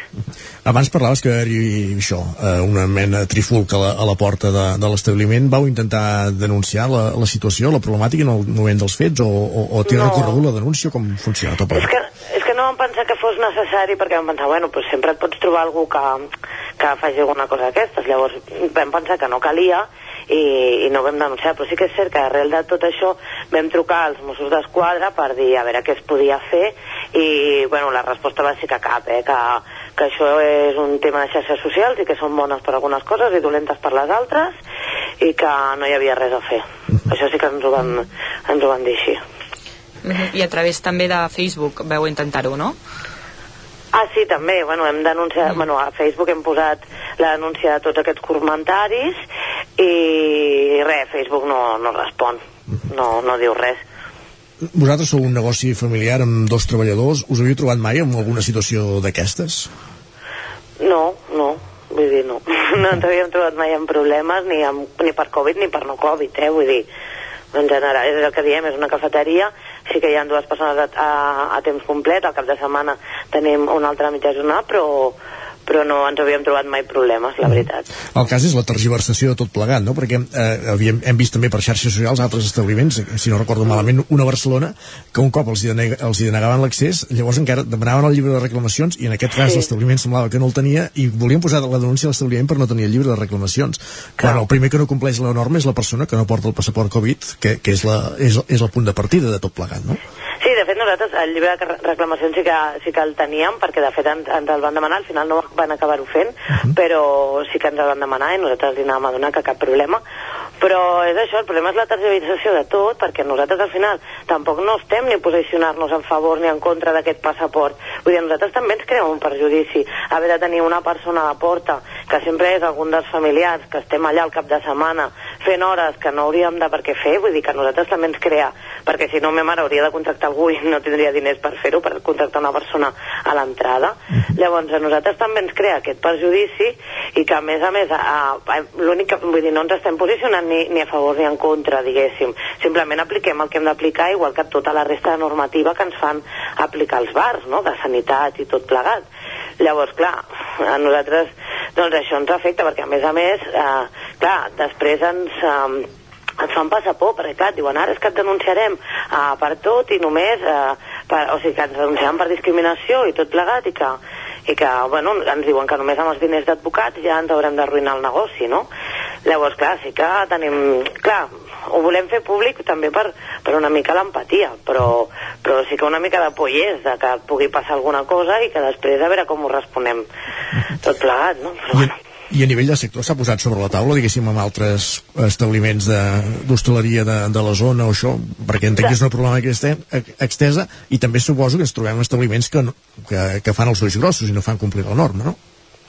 Sí, clar, nosaltres si un altre establiment no vol complir amb la normativa, nosaltres en aquest sentit no, no, no és cosa nostra. Vull dir, cadascú ha de fer el que, el que considera. Nosaltres considerem que la normativa si hi és, s'ha de complir, i a més a més tenint en compte que les sancions poden ser fins a 60.000 euros i són per nosaltres.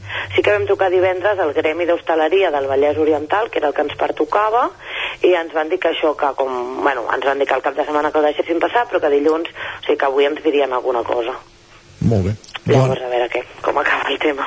Estarem a l'expectativa. Sandra, gràcies per ser avui al Territori 17 i exposar-nos aquest cas. Esperem que la cosa no tingui més recorregut perquè, com, com bé deies, que eh, eh, com bé deies la, la raó la teniu en aquest cas vosaltres perquè l'únic que feu és fer complir la, la norma, que és, que és el que toca en aquests casos, de demanar aquest passaport per Covid en benefici de tots, en benefici de- d'evitar contagis de la Covid-19. Exacte. Gràcies per ser avui i explicar-nos aquest testimoni al Territori 17. Bon dia. Bon dia, moltes gràcies. I gràcies també, Caral, per acompanyar-nos a aquesta estona, a aquesta entrevista de quatre mans i posar-nos, eh, portar a l'antena un cas de- d'imperiosa actualitat, de, de rellevància informativa, com, com bé dèiem, de- d'aquest cas, d'aquest aquest establiment de Caldes que s'ha trobat amb aquesta situació poc agradable. Uh -huh. En parlem ara més tard, ens, ens parlem amb els esports. Perfecte, fins ara, Caral, bon dia.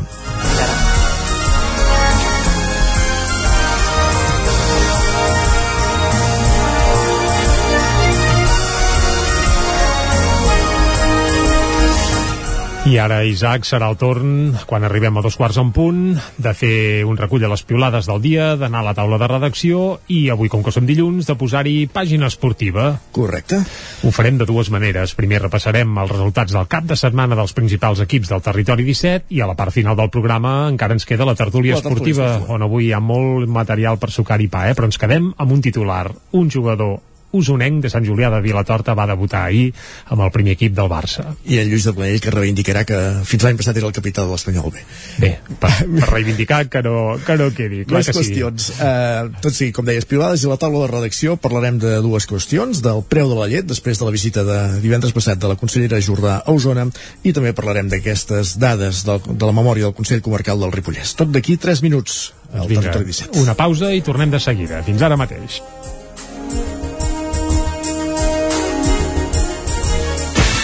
El nou FM, la ràdio de casa, al 92.8. Vine a Autoscola Montseny. Ara és el moment de fer els cursos de teòrica intensius, ràpid i eficaç. T'informarem dels PACs. Permís de moto de 16 i 18 anys i permís de cotxe.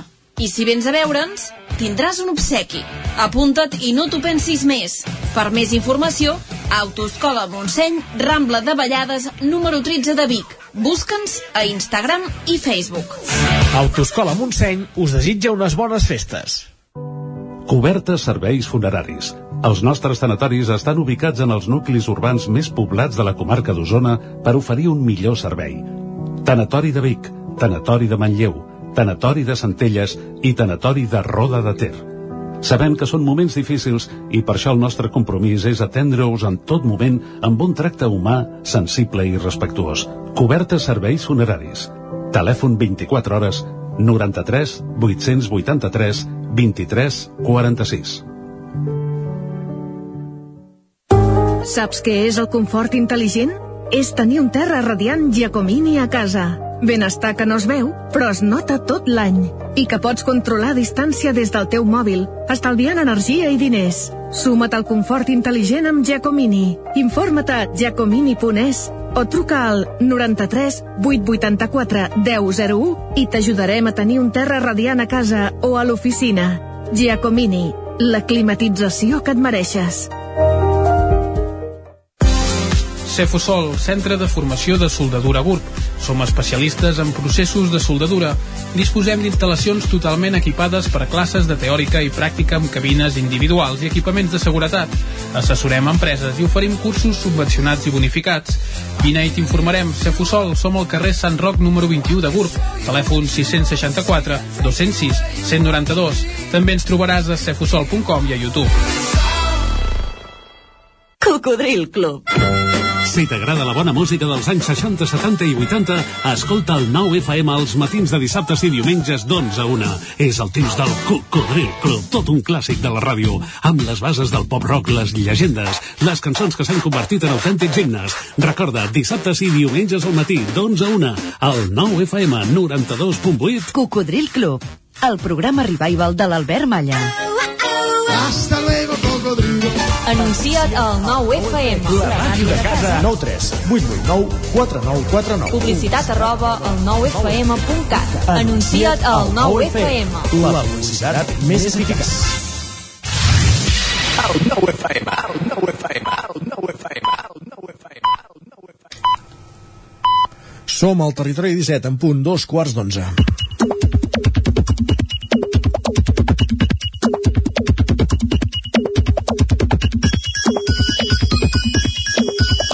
I a aquesta hora qui ens acompanya a l'estudi, Jordi, és en Guillem Sánchez. Exacte, cada dia per treure una mica de punta, unes quantes piulades i el saludem ara mateix. Guillem, bon dia. Bon dia, què tal? Com Ah, estem? Maria. Ah, Maria.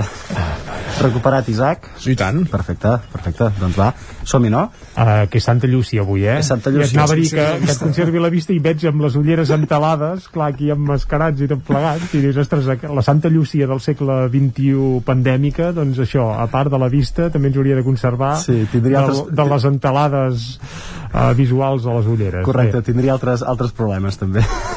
Però va, anem, anem a les piulades, però no arrenquem això, va. Doncs va, ho, ho arrenquem pel tema de la restauració i d'una mica de menjar a terrasses, restaurants, perquè ens hem recuperat mica en mica d'aquestes rutines del cap de setmana. La Clara ens escriu, treballem per permetre'ns el vermut dels diumenges. En Lluís, però, es va trobar una situació curiosa al lloc on va anar a teòricament fer el vermut aquest cap de setmana. Ens diu, no m'han servit un vermut perquè m'han dit que no era hora de vermut. I es pregunta, quan no és hora de fer el vermut? No sé si us heu trobat mai vosaltres, que no us hagin servit un vermut perquè no era l'hora de fer el vermut. A mi no m'ha passat mai. L'Isaac... Clar, tampoc sé l'hora que hi va anar. Clar, no ens ho diu això, eh? No, aquí no ens ho diu, l'únic que respon és l'Enric, que diu que està molt d'acord amb la posició de l'establiment, i respon, molt d'acord amb aquell lloc, l'hora del vermut és abans de dinar, es pot ser molt flexible, però hi ha uns certs límits, i de fet... És que una mica és això. I de fet en Jimmy s'hi va, su- s'hi va sumar tot dient, a veure, que no estem a Itàlia, aquí el vermut és de les 12 a les 2 de tota la vida, i en funció de quan et prenguis en aquests 120 minuts, es planifica tota la tarda i tota la nit. Escolta, de- cadascú que s'organitzi com vulgui i com pugui, exacte. Correcte. Doncs va, la Noemí també va tenir problemes al cap de setmana en el context d'un restaurant o d'un establiment. Diu, anar a un restaurant per fer un sopar romàntic en parella i celebrar el vostre aniversari i trobar-te les companyes de la feina. Això és la vida. Són coses que poden passar. I tant. De fet, a vegades Aquí això quan... l'establiment no hi té res a veure. No, no hi té res a veure. I això que a vegades passa que quan busques més intimitat és quan menys eh, en trobes, que et vas trobant amb, amb gent, sí, amb sí. totes les romaderes eh, possibles. Un clàssic. Recordem que per accedir a bars i restaurants encara és obligatori mostrar aquest passaport Covid. Usuaris com l'Alba hi veuen un problema. Diu, el passaport Covid exigeix un nivell de bateria al mòbil que honestament no em puc permetre. Va, home, va, va, home, va. On anem a parar? Quina excusa, eh? Això sí que és excusa uh, patatera, va, més. La, la Nana ens escriu per explicar-nos com poden arribar a ser les cites romàntiques en temps de passaport Covid. I diu, del nivell dels antivacunes només puc dir que fa uns dies em van proposar com a primera cita pillar menjar i sopar al cotxe. Més no, és una, és una solució curiosa. curiosa. Home, com a primera cita, sí. Sí, sí, més en, a l'hivern, clar, per l'estiu, mira, dius, escolta, hi ha molts invents, eh? De fet, alguns usuaris li responen, com per exemple en Sergi, que diu que romàntic, diu sempre que fóssiu canalla de 18 anys, que em sembla que no era pas el cas, o per exemple la resposta de l'Eva que diu bona estratègia per dur-te al cotxe, perquè anar a una terrassa es veu que no té el mateix glamour. Per tant, suposo que en aquest cas recomanant a, a Bé, aquesta no, no usuària... entrarem a detallar què es pot fer dins d'un cotxe i què es pot fer en una terrassa, però sembla que coneixen coses diferents. Bé, seguim, seguim. I parlant de prendre menjar o beguda a l'exterior, a la Mer li ha sortit un dubte. Ens escriu, malles i samarreta tèrmica per anar a fer una birra és una senyora intel·ligent o és ser molt exagerada? Depèn de quan l'anés a fer, aquesta cervesa, clar. Sí. De fet, amb les temperatures que em sembla que ens venen per aquesta setmana, tèrmiques i malles, em sembla que ens faran falta bastant a tots, oi? Sí, sobretot a les fondalades, inversió tèrmica, per tant, s'acosten dies de boira i de fred. Uh, això sí, a les valls, eh? als cims de les muntanyes segurament veuran el sol cada dia. Per tant, podem anar a fer birres, per exemple, o cerveses als cims de les muntanyes, que estarem més, estarem més calentons, no? I tant, segurament, segurament. Doncs va, entrem en temes nadalencs i en qüestions tan importants com són el tió. No sé si sabeu ja si el vostre és eh, tió o tiona, si pateix quan li doneu cops, Jordi, que em sembla que en parlàvem la setmana passada. No jo sé si... tinc un tió i quatre tionets a casa. Tots, en teoria, per tant, deuen ser mascles i ja et ben asseguro que de garrotades, quan toqui, en reben i moltes. En aquest sentit, a l'Anna li importen més altres coses. Diu, per la meva salut mental i pel benestar de la meva família, continuaré fent cagar el tió a cops de bastó perquè em cagui el que més li plagui, com em sembla que al final acabarem pensant tots. Mhm. I en qüestions com aquestes sempre s'ha d'estar preparat. Si no, mireu que ens escriu l'Ernest. Diu, la meva cosina Vicky és mestra de parvulari. Un nen li va demanar com és que el tio menja mandarines i caga regals i nosaltres mengem de tot i caguem caca. Mentre pensava una resposta, una nena va sortir i va dir nen, que no saps que el sistema digestiu del tio és diferent del nostre? Esclar. Que espavilats que són aquest jovent, com puja la canalla, vull dir. Doncs eh? aquí està la resposta, qüestió de uh, sistemes digestius d'allò més diferents. Ostres, uh, hem quedat, jo he quedat... Uh, És molt perdut. Uh, sí, sense paraules. Però bueno, procuraré trobar-ne algunes, si més no, per detallar què es diu ara mateix a les portades del 99.cat. Doncs gràcies, Guillem. Comencem, exacte, merci, Guillem. Comencem pel 99.cat del Vallès Oriental, que ara mateix obre explicant que un brot de coronavirus obliga a fer un cribratge entre el personal de dues unitats de l'Hospital de Granollers. També que Montmeló recupera la ràdio municipal, per ara ho farà en format podcast, i que Cri Cursa de Granollers participa en els vidres del nou estel de la Sagrada Família. La setmana passada ja descobríem que bé, que s'havien forjat al Pens, però resulta que els vidres doncs també són de Granollers. Per tant, mig estel és de territori 17 ja. Anem ara cap a l'edició d'Osona i el Ripollès, que ara mateix obre l'edició explicant que eh, les alcaldies d'Osona confien que el nou decret d'energies renovables freni els parcs solars de grans dimensions. També un reportatge sobre les malalties amb nom català. Abans hem descobert que darrere de la paraula... És que és, és complicada, eh, aquesta paraula. Uh, aviam si la diem, eh? Apònims. Què és un apònim, Guillem Sánchez? Ara m'agafes eh, Amb molt, els pixats al ventre. molt descol·locat, Jordi. Molt bé, un apònim és quan, per exemple, Guillem Sánchez, si fossis científic, descobreixes una malaltia i que li posessin, jo què sé, sanxitis, en honor al teu El nom, cognom. al teu Cognom, sí. cognom etc. És qüestió de sistemes digestius, també. Sí, això li ha passat, per exemple, al doctor Vallès, biguetà il·lustre, que hi ha una malaltia que va descobrir ell, que es diu no, no Vallès, però sí que té el Vallès per allà al mig.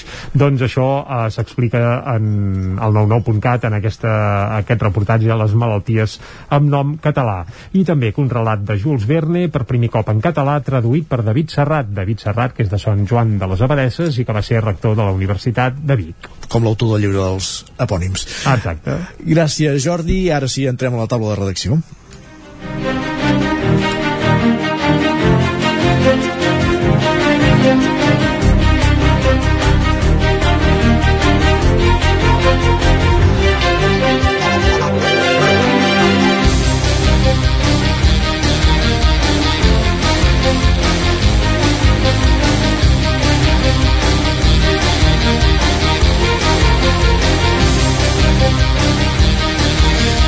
Avui a la taula de redaccions hi acompanyen la Txell Vilamala i l'Isaac Muntades. La Txell, parlem tot seguit de la visita que feia divendres a Osona, la consellera d'Acció Climàtica, Alimentació i Agenda Rural. Algun dia ens aprendrem aquesta conselleria Teresa Jordà per parlar, per reunir-se una vegada més amb, eh, amb les cooperatives representants dels ramaders de, del sector lacti, el sector de la llet, que continuen produint sota preu de cost perquè la distribució i la, i la fabricació de, de llet, eh, la indústria de la llet paguen eh, el litre per sota de preu de cost. La consellera apuntava algunes solucions, no sé si satisfan del tot el, el sector, Txell. Hola, bon dia Isaac. Doncs sí, divendres vam tenir la consellera Jordà aquí a la comarca d'Osona, en concret a la fàbrica de pinso de la cooperativa Plana de Vic i va ser allà on va presentar tres uh, mesures estratègiques que la Generalitat considera que haurien de servir per impulsar de nou el sector lleter. Com bé dius, uh, totes les mostres de bona voluntat són ben rebudes, però sí que és veritat que els sindicats i les organitzacions agràries es miren aquestes uh, propostes de la Generalitat una mica de cua d'ull uh, perquè bé uh, venim d'uns mesos molt complicats de moltes protestes i ja hem vist que a vegades amb la indústria i la distribució uh, demanant, demanant-los només bona voluntat uh, no n'hi ha prou que és el que fa desconfiar els ramaders. En qualsevol cas la consellera Jordà el divendres Santa Eugènia va explicar tres mesures importants. La primera és que la Generalitat, a partir del principis de l'any 2022, per tant d'aquí molt poc, fixarà un índex de referència per calcular els costos de producció de la llet.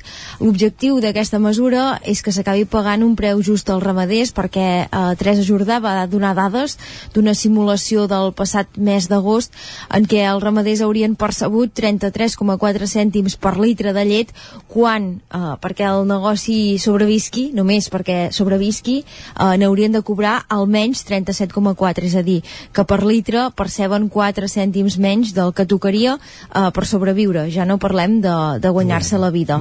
Llavors, és en aquest sentit que el govern confia que aquest índex de referència serveixi per corregir el desajust, i dic desajust entre moltes cometes, perquè no és un desajust natural sinó buscat eh, amb aquesta voluntat de, de guanyar diners i més tenint en compte també eh, que vam parlar molt de la llei de la cadena alimentària però un cop s'ha aprovat al Congrés espanyol doncs eh, tant la consellera com també els sindicats agraris consideren que ha quedat bastant descafeinada i que no acaba protegint eh, els ramaders que era, que era el principal objectiu pel qual el govern català defensava que, que havia de sortir.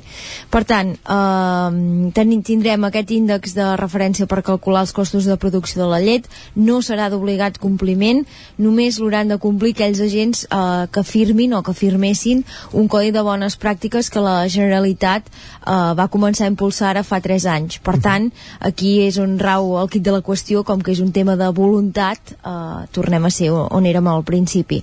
Sí que va dir la consellera doncs, que qui no ho firmi eh, quedarà demostrat no?, que és qui explota o especula, va dir així directament amb aquestes paraules, amb els productors de llet del nostre país.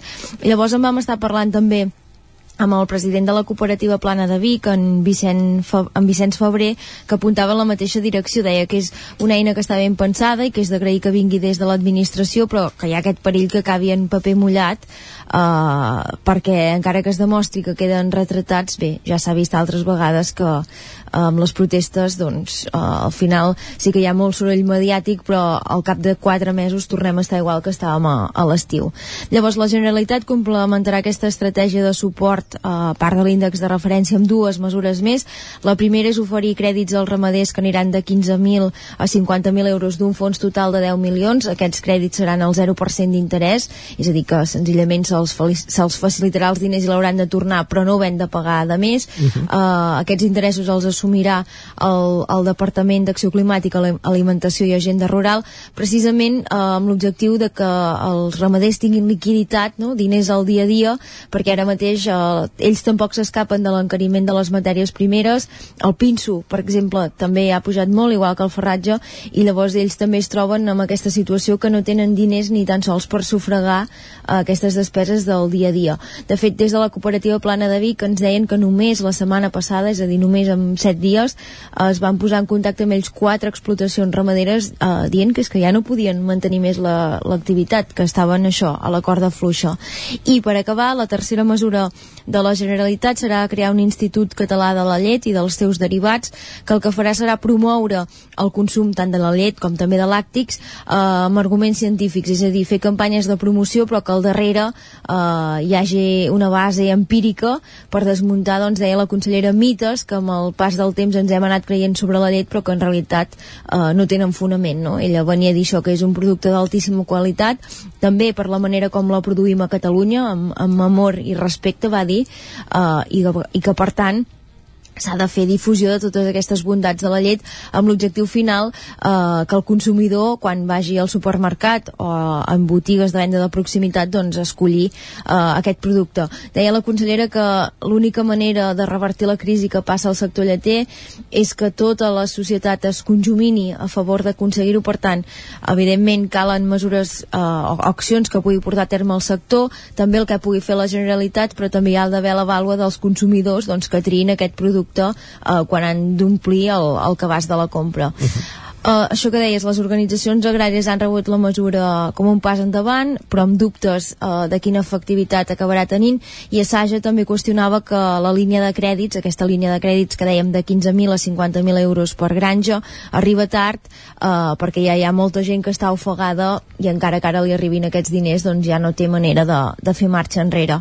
I per acabar, just deixeu-me fer un petit apunt, uh, les dades sobre les explotacions lleteres que han plegat a Catalunya durant l'última dècada són demolidores, una mostra clara de l'agonia que viu el sector.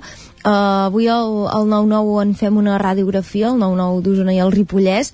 Per exemple, en el cas d'Osona s'ha passat de 192 a 97 uh, en... Sí, la meitat en 10 anys, exacte, o menys de la meitat, uh -huh. uh, Déu-n'hi-do, i el Ripollès, que n'hi havia menys, s'ha passat de 19 a 7. Al conjunt de Catalunya hi ha hagut una reducció del 47%. Per tant déu nhi eh, les dades són molt, molt, molt contundents. Dèiem també això que ens explicaven des de la cooperativa Plana de Vic que en una setmana eh, els poden contactar diversos ramaders dient que ja n'hi ha prou que no tenen més diners per tirar endavant. I per acabar el, el, en Vicenç Febrer de la cooperativa feia la reflexió de dir que pot semblar una amenaça però és que al final a Catalunya no hi haurà llet i la gent no haurà de pagar cara a part de perquè no serà produïda aquí, doncs perquè haurà de venir d'altres països com, com podria ser França. Uh -huh. Per tant, ell deixava so, sobre la taula com a mínim per reflexionar-hi i més veient en aquestes dades sobre les explotacions que han anat plegant. Gràcies, Txell, per portar-nos aquest cas a la taula de redacció. Bon dia. I anem ara fins al Ripollès, a la veu de Sant Joan. Ens hi espera l'Isaac Muntades per parlar de la memòria del Consell Comarcal del Ripollès, que s'ha fet pública i algunes xifres són reveladores. Isaac, bon dia. Bon dia, Isaac. Doncs sí, de fet, realment aquest any era el primer cop que es publicava la memòria del Consell Comarcal del Ripollès, per primer cop a la història, com un acte també que des de l'ENS comarcal doncs, es va dir eh, que era un acte de transparència i en destaquen al algunes coses, sobretot en, en l'apartat d'ensenyament, de, que en aquí doncs, eh, hi ha tot el que seria la gestió dels menjadors escolars i podem veure doncs, que hi ha hagut un augment. Sobretot això es deu, eh, bàsicament ara us explicaré els números, però es deu a que la, el Consell Comarcal ha passat a assumir la gestió del doble de, de menjadors pràcticament del que, del que tenia fins ara. Eh? Ara en tenia 6 eh, i n'ha passat a assumir 11.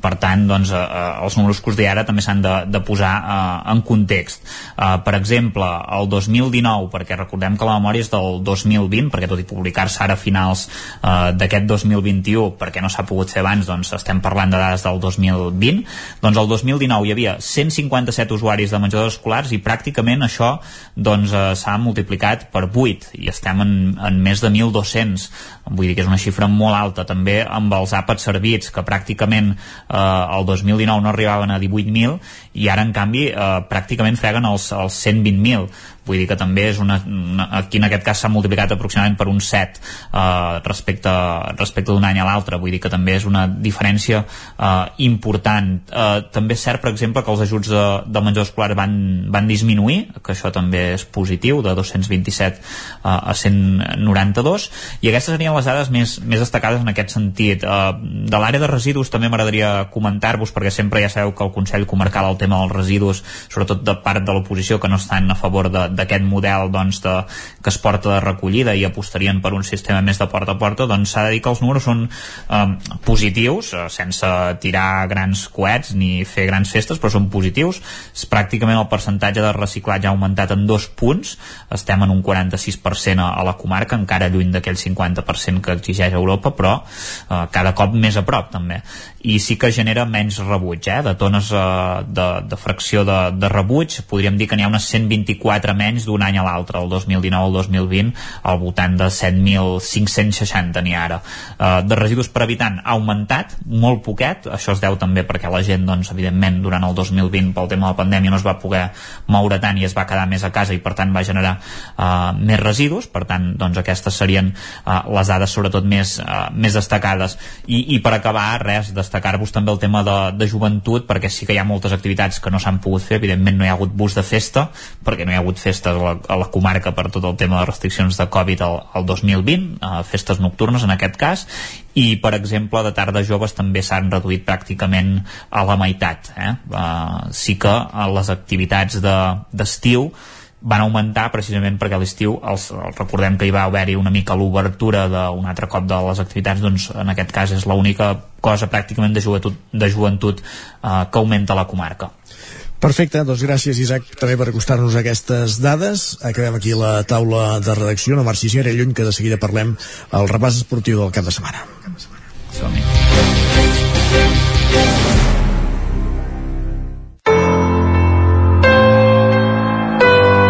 Territori, Territori 17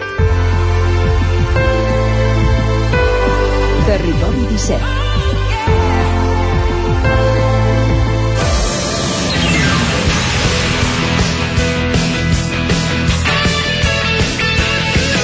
Un repàs esportiu del que han fet els equips del Territori 17 durant la jornada del cap de setmana que comencem des dels estudis de Ràdio Cardedeu amb l'Òscar Muñoz. Bon dia, Òscar. Bon dia. Com estem? Estem bé, estem bé. Perfecte. Hi ha equips que no estan tan bé aquest cap de setmana, però Parlaves del Barça, no, sí que no, estem. no parlaves del Barça, eh? No, no, no parlem del Barça, però bueno, podríem parlar cada setmana d'ell Exacte. amb la mateixa cantarella. Parlem del Doncs Cardedeu, per exemple, va. Exacte, comencem el repàs esportiu del cap de setmana amb la victòria del primer equip eh, de la segona catalana per dos gols a zero contra el Malgrat. Ara el primer equip doncs, puja fins a la cinquena posició d'aquesta eh, segona catalana. A la tercera, el filial eh, no va poder passar de l'empat a 1 contra els primers, contra el Palau Tordera. Els gols van arribar al primer del Palau al minut 75 i el Cardedeu doncs, va reaccionar bé al 79 posant aquest 1 a 1 així que bona notícia pels cardauencs, ja que, que cap resultat fa que hi hagi nou líder a la tercera catalana, que és el Sant Celoni, el Palau baixaria una posició a la segona i el Cardedeu s'enfila a la tercera posició de la tercera catalana. Molt bé. I a la mateixa lliga, doncs el Llinàs no va tan bé, va a la onzena posició, després d'empatar a dos contra l'Atlètic del Vallès el partit doncs, va començar molt bé pels linassencs amb dos gols seguits al minut 3, un gol ben d'hora i al minut 38 farien el segon però l'Atlètic del Vallès doncs, abans del descans faria el 2 a 1 i al minut 51 posaria aquest 2 a 2 Perfecte. i acabem amb el futbol amb, a- el futbol amb l'Esport Club sí. que també doncs, va empatar a 0 contra el Manresa o sigui, aquí hem portat més empats eh, segueix a la quinzena posició eh, però ho té ja a tocar quasi està més o menys igualats a punts amb els eh, amb els que el segueixen a la Lliga així que esperem que amb una victòria o dos l'Esport Club es torni a posar encara que sigui doncs, a, a meitat de taula Exacte, que s'allunyi d'aquesta zona perillosa. Sí. I ara ens anem amb, amb l'handbol. Uh -huh. eh, portem tres equips, ai, tres partits de handbol, els tres amb derrota.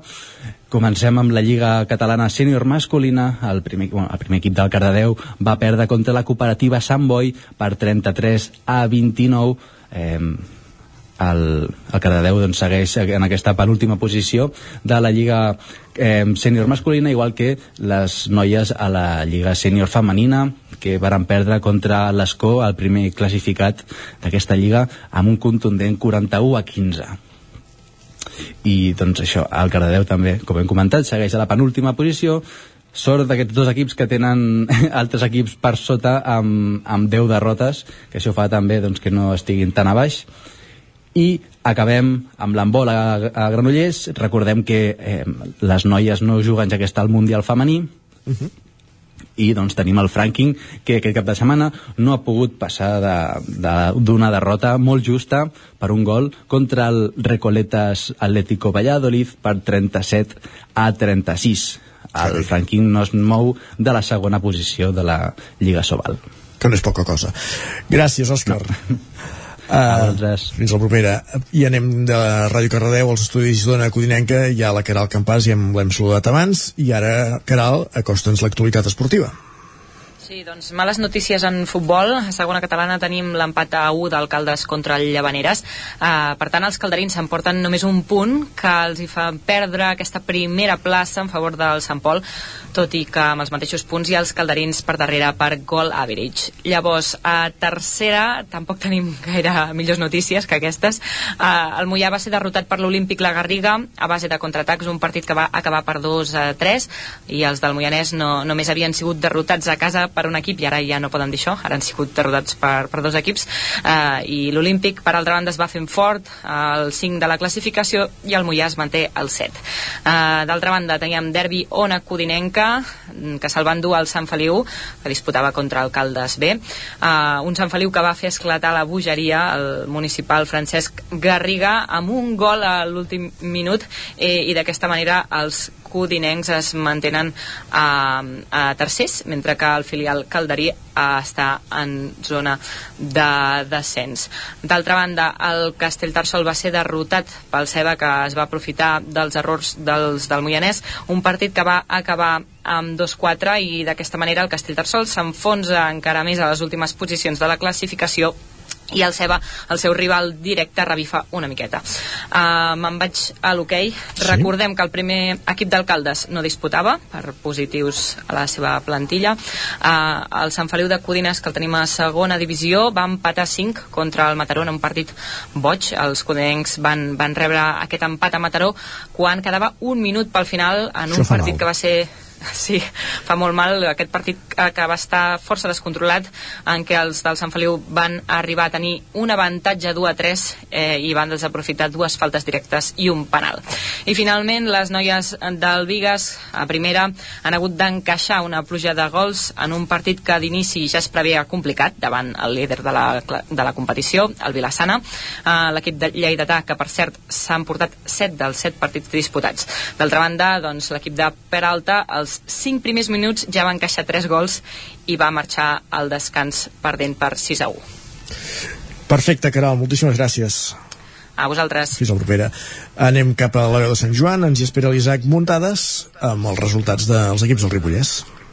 Sí, hi ha hagut una mica de tot, Isaac, i aquesta setmana començarem pel futbol, però ho farem eh, aquest cop pel grup 19 de la tercera catalana, on la Badesenc va empatar a 3 contra el líder, el Gironès Sàbat, en un gran partit de futbol eh, entre els dos equips, però va perdre l'ocasió de col·locar-se al capdavant de la classificació. Això que els Sant Joanins doncs, van ser eh, superiors, però es van trobar amb dues galledes d'aigua freda difícils de pair. Eh, abans de la mitja hora de joc, de fet, eh, Frank en una falta lateral i, i David en aprofitar una pilota morta en un córner van posar-se eh, 0 a 2 per al Sàbat eh, la Badesenc tot feia les ocasions i el Sàbat els gols eh, però per sort Dani doncs, va poder escurçar de penal abans del descans i a la segona part doncs, la Badesenc sí que va ser encara més superior va tancar l'àrea en el Sàbat i, i Àlex va empatar després d'una centrada de Cabanes, però aquest, no era la tarda de la Badesenc que va tenir molta mala sort perquè en una falta directa el Sàbat va aconseguir el 2 a 3 però per sort Àlex va empatar amb un xut creuat i va poder salvar uh, un punt a pocs minuts per, a, per al final. Ara mateix els Sant Joanins uh, són quarts amb 24 punts. Uh, el qui va aprofitar-se d'aquesta ensopegada de la Badesenc és el Can de Bànol, que va, va aprofitar aquest empat per posar-se segon de la classificació amb 25, amb 25 punts després de guanyar el Sant Privat d'en Bas per 0 a 2 en una primera part amb, amb poques ocasions sobretot de Maideu i Mercè però s'ha de dir que els locals també només en van tenir una tot el partit per tant, partit fàcil que, pel Camp de Bànol que es va solucionar quan va sortir uh, Uri Pérez a falta de mitja hora uh, pel final perquè ell mateix va fer un golàs en un centre xut que es va enverinar i va entrar després de tocar el pal i després, doncs, eh, després de fallar un, un 1 contra 1, doncs el rebot el va aprofitar eh, Maideu per fer el, el 0-2 i, i definir el partit. Eh, qui no aixeca cap eh, és el Camprodon, el subgrup A de la segona catalana, que va perdre per un contundent 5-1 al camp de la Mer. La tònica continua sent de la, sem eh, la de sempre, que us expliquem que el Camprodon eh, fa bon joc, però no és eficaç de cara a porteria, i quan no ets eficaç, doncs ho pagues, i amb equips com la Mer, que, que són molt efectius, doncs eh, ho va pagar, i, i 5-1, de fet, eh? Uh, Vega i Garriga uh, van aprofitar errors del central i de lateral per posar el 2 a 0, el mateix Garriga va fer el tercer Romero va posar el 4-0 en finalitzar un contraatac eh, llavors el Camprodon sí que en els minuts finals doncs, va aconseguir escurçar distàncies mitjançant Edu eh, però Garriga va anotar un altre gol i ara mateix el Camprodon està en una dinàmica molt negativa és coer, té 3 punts i el penúltim ja el té 5 punts per tant sembla molt clar que, que lluitarà pel descens totalment al Camprodon ja aquest any en canvi, uh, dos coses per acabar. La primera catalana d'hoquei, l'hoquei Club Ripoll, va aconseguir una altra victòria per la mínima, aquest cop davant del Lloret B per 5 a 4, és tercer amb 19 punts, però empatat amb el segon. Això que van començar malament, perdent 1 a 3, però abans del descans van, van recuperar-se i es van posar doncs, per davant, uh, van fer el 5 a 3 i el Lloret doncs, va acabar uh, fent un gol a, a, a, a les acaballes del partit. I per acabar la primera nacional de futbol sala mal resultat de l'escola de futbol sala Servicat Ripoll que va perdre 4-5 contra el Prat Bar La Terraza Alcalà.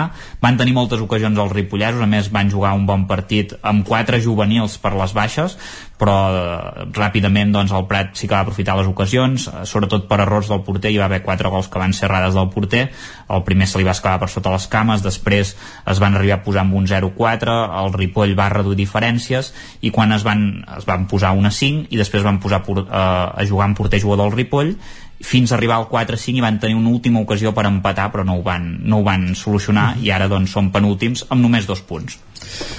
Déu nhi doncs va, aviam si la cosa millora Sí, aviam si millora.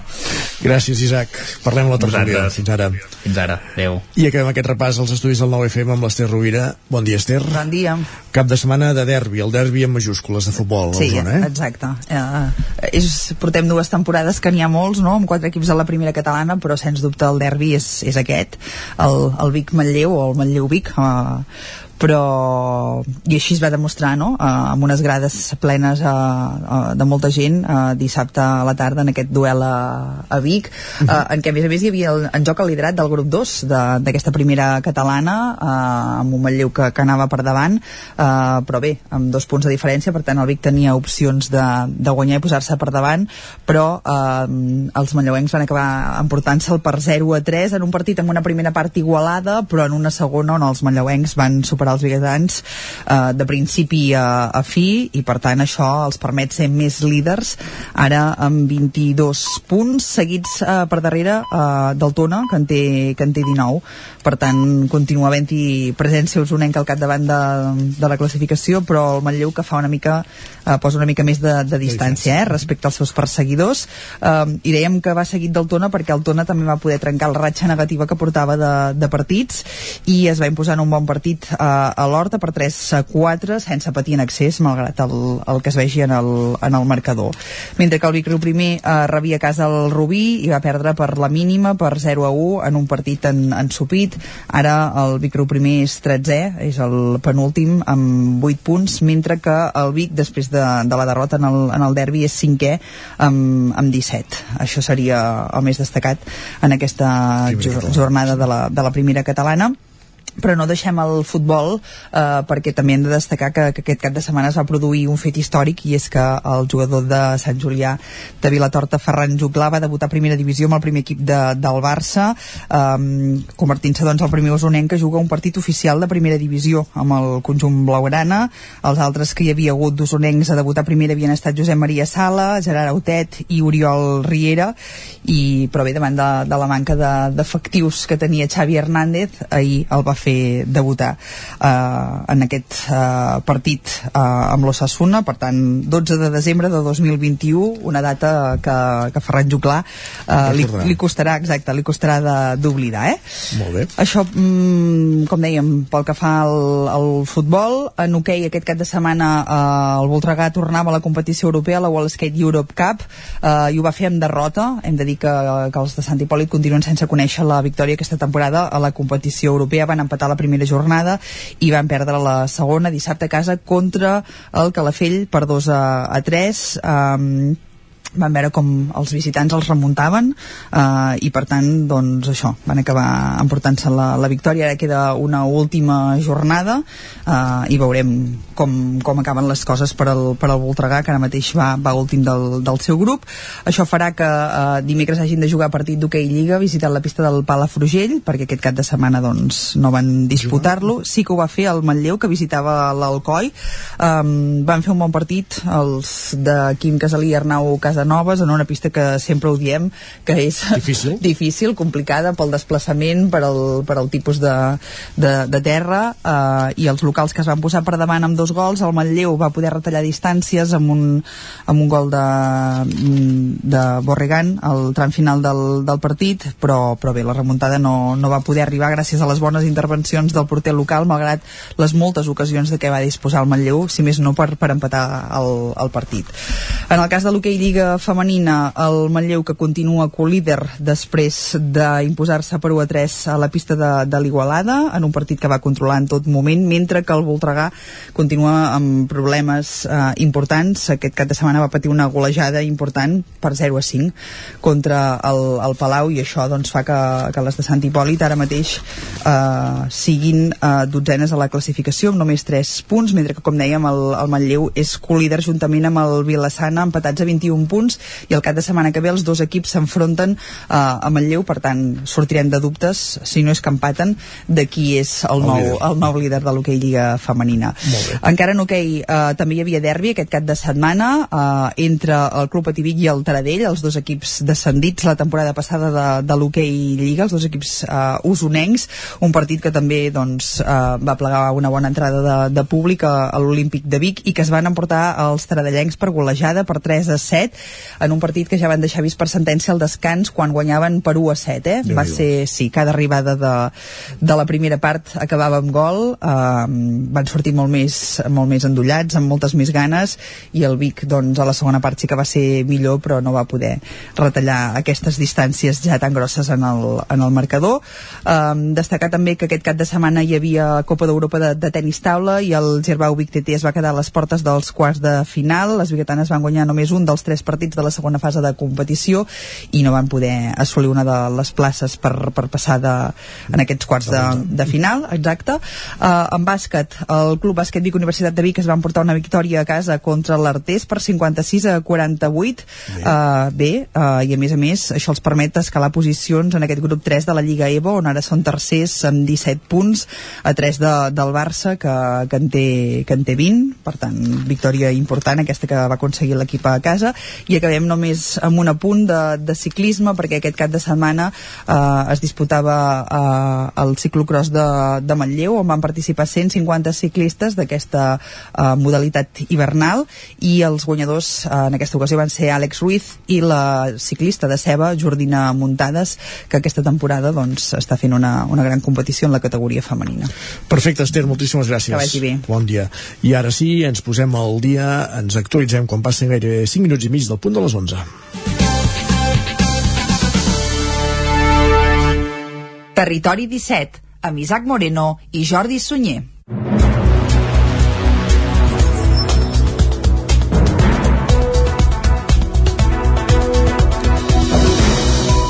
Moment d'actualitzar la informació al territori 17. La Generalitat anuncia una línia de crèdit de 10 milions d'euros perquè puguin sobreviure unes 300 explotacions de llet arreu del país. Aquest és i un índex de referència que tindran en compte els costos reals de producció són algunes de les mesures que divendres va posar sobre la taula la consellera Teresa Jordà des de la cooperativa Plana de Vic.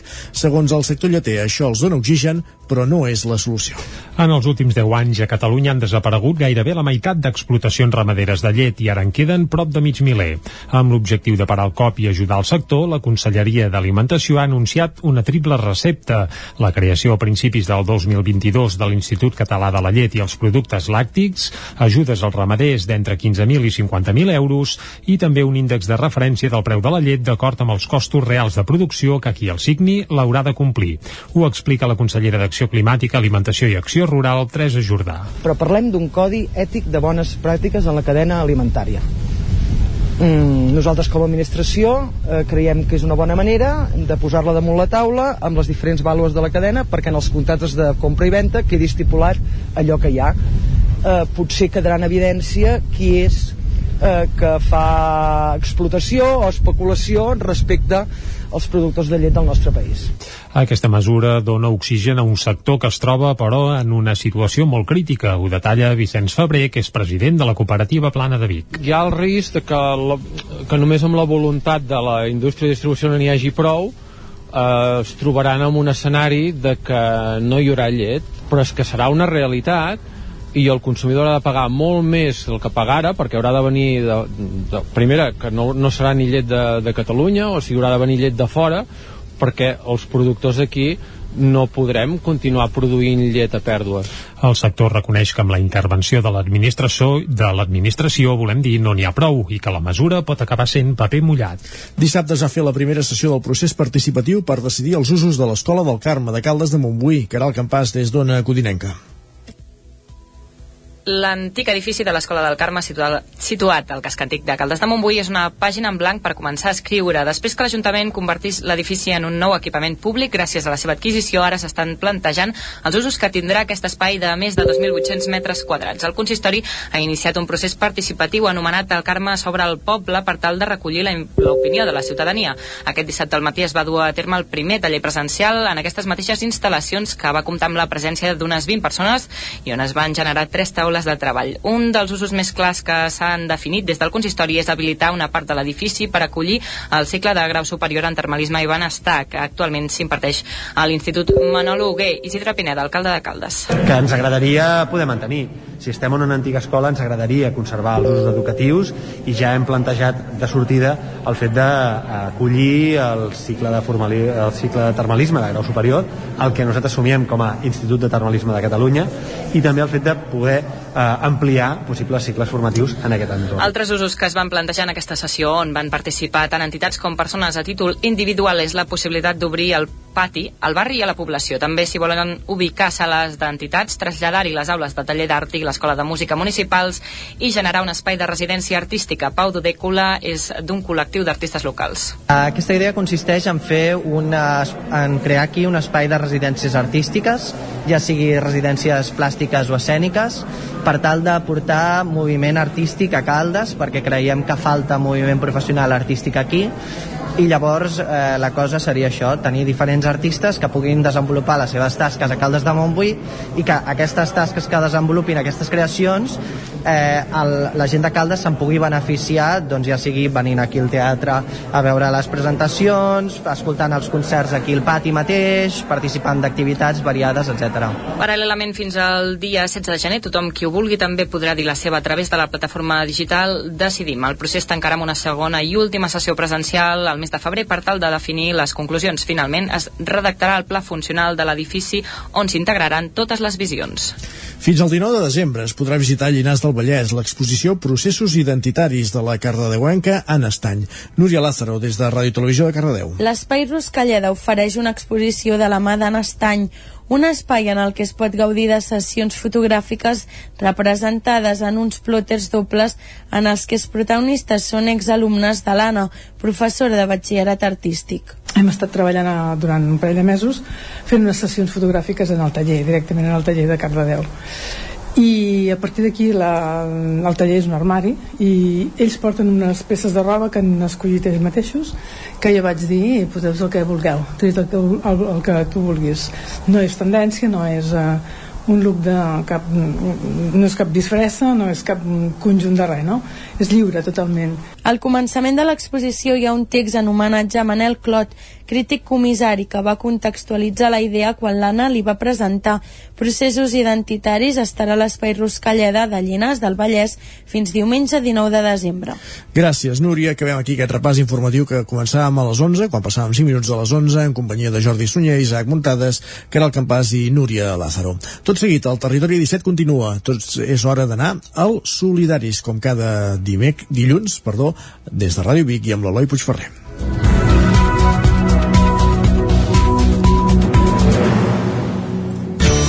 Territori 17.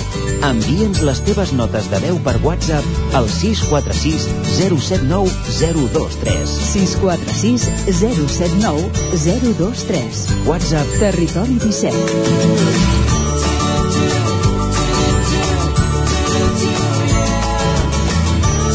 Territori 17. Som a Facebook, Twitter i Instagram amb l'usuari Territori 17.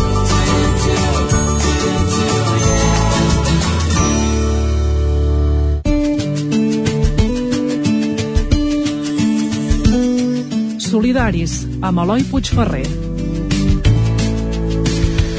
I els solidaris, com cada dilluns, com dèiem des de Ràdio Vic, l'Eloi Puigferrer avui ens parla de Gambeta. Ho descobrim tot seguit aquí al Territori 17. Educar els infants és una prioritat per moltes persones i entitats arreu del món. En aquest espai, durant el bon reguitzell de programes que ja portem a l'esquena, hem tingut l'oportunitat de parlar amb moltes organitzacions que vellen per assegurar un futur millor als nens i nenes més desafavorits arreu del nostre planeta. En tots els casos, però, hem parlat amb ONGs consolidades i que tenien un camí clar pel que fa a educar els infants. Facilitar-los l'accés a l'escola perquè poguessin rebre una formació com la que estem acostumats a les nostres terres. Avui, però, farem un gir en aquesta concepció i ens encararem cap a un vessant diferent, l'educació a través de l'esport i més concretament del futbol. I és que aquesta és una via d'accés ideal per incidir en els més joves. Es tracta d'una premissa que tenia molt clara en Pep Novelles, qui gràcies a l'ajuda de tantes altres persones, a principis d'aquest proper 2022 posarà les primeres pedres al projecte Gambeta, una organització que aspira a ajudar les famílies més vulnerables en l'educació dels més petits a través del futbol. Així que avui, des de Ràdio Vic a través de l'antena del Territori 17, parlarem amb el president d'aquest nou projecte humanitari, nascut a Vic i amb la vista posada a Colòmbia i també a Catalunya. Aquest projecte ve sobretot, sobretot, sobretot per la falta de la meva mare. És dir, la meva mare va faltar el maig del 2019 i ell havia estat víctima de la Guerra Civil i es va desescolaritzar amb 7 anys. És a dir, amb 7 anys es va posar a treballar per ajudar la família, van engajar l'avi, en aquest cas el seu pare, i per tant, diguem-ne, no va tenir l'oportunitat de continuar estudiant i el seu futur d'alguna manera es va veure ja molt limitat per culpa d'aquesta qüestió, no? Llavors ella estava molt obsessionada que nosaltres tinguéssim estudis i a partir d'aquí diguem-ne que em, em queda com, com al moment que falta ella com un buit important. El 2017, el novembre del 2017 un any i mig abans de la falta de la meva mare vaig estar visitant eh, Campamento que és un poble camperol de les muntanyes de, de Medellín. Aquests camperols estan en aquestes circumstàncies que es van viure aquí a la Guerra Civil i a la postguerra. És dir, estan aïllats de, de la ciutat van viure de primera mà el que era tot el conflicte armat de les FARC és dir, tots els que vam estar visitant havien tingut o assassinats o raptes o havien tingut de pagar diguem-ne en, en, el, en els eh, de les FARC i a més a més eh, a tocar d'aquest eh, municipi on vam estar hi havia una fosa comú de la pròpia Colòmbia o exmilitars diguem-ne es van organitzar per anar contra les FARC i, i no sabien qui assassinava qui Aquestes similituds amb l'època de la guerra i la postguerra a Espanya va fer reflexionar Novelles, que va posar-se a la pell del que havia viscut la seva mare i va dir-se a si mateix que no podia ser. La preocupació dels pares i mares va jugar un paper clau. Aquestes famílies el que ens explicaven és que el porvenir dels seus fills, diguem-ne, no el veien massa bo, en el sentit de que els hi veien tres possibilitats, no? Una era plegar d'estudiar també el que haguessin acabat primària, és de fi, no fer ni secundària, que seria l'ESO d'aquí, per poder-los ajudar a sobreviure, que és el que havia passat aquí a la, a la Guerra Civil i a la postguerra. Dos, que en comptes de cultivar canya de sucre que caiguessin en mans de la màfia de les drogues i cultivessin el que seria la cocaïna, la planta de cocaïna i per tant molts més diners però evidentment hi ha mans d'aquestes màfies. O bé tres, que algun s'atrevís a l'adolescència, sense tenir estudis anar-se'n a la ciutat a veure si tenia un futur millor. Evidentment si tu no has acabat ni secundària aquí ni secundària allà el tema laboral és molt i molt difícil i pots imaginar que en una ciutat com Medellín encara més. Què passa? Gent jove eh, desemparada, buscant feina desesperadament acaben en mans també de, de màfies, sigui de eh, temes de prostitució, sigui de temes de drogues i la majoria acaben després del que eh, a Brasil es diuen faveles i aquí no recordo exactament què és el nom, quin és el nom que n'hi diuen, però bueno, fer un màster de direcció i administració d'empreses i havia de fer el treball de final de màster vaig decidir fer el treball de final de màster eh, creant una ONG i aquesta és l'ONG que gràcies a Déu es convertirà en una realitat que és Gambeta Gambeta neix amb uns objectius clar i amb un llarg camí per davant. Evitar la desescolarització i animar tots els joves a seguir-se formant.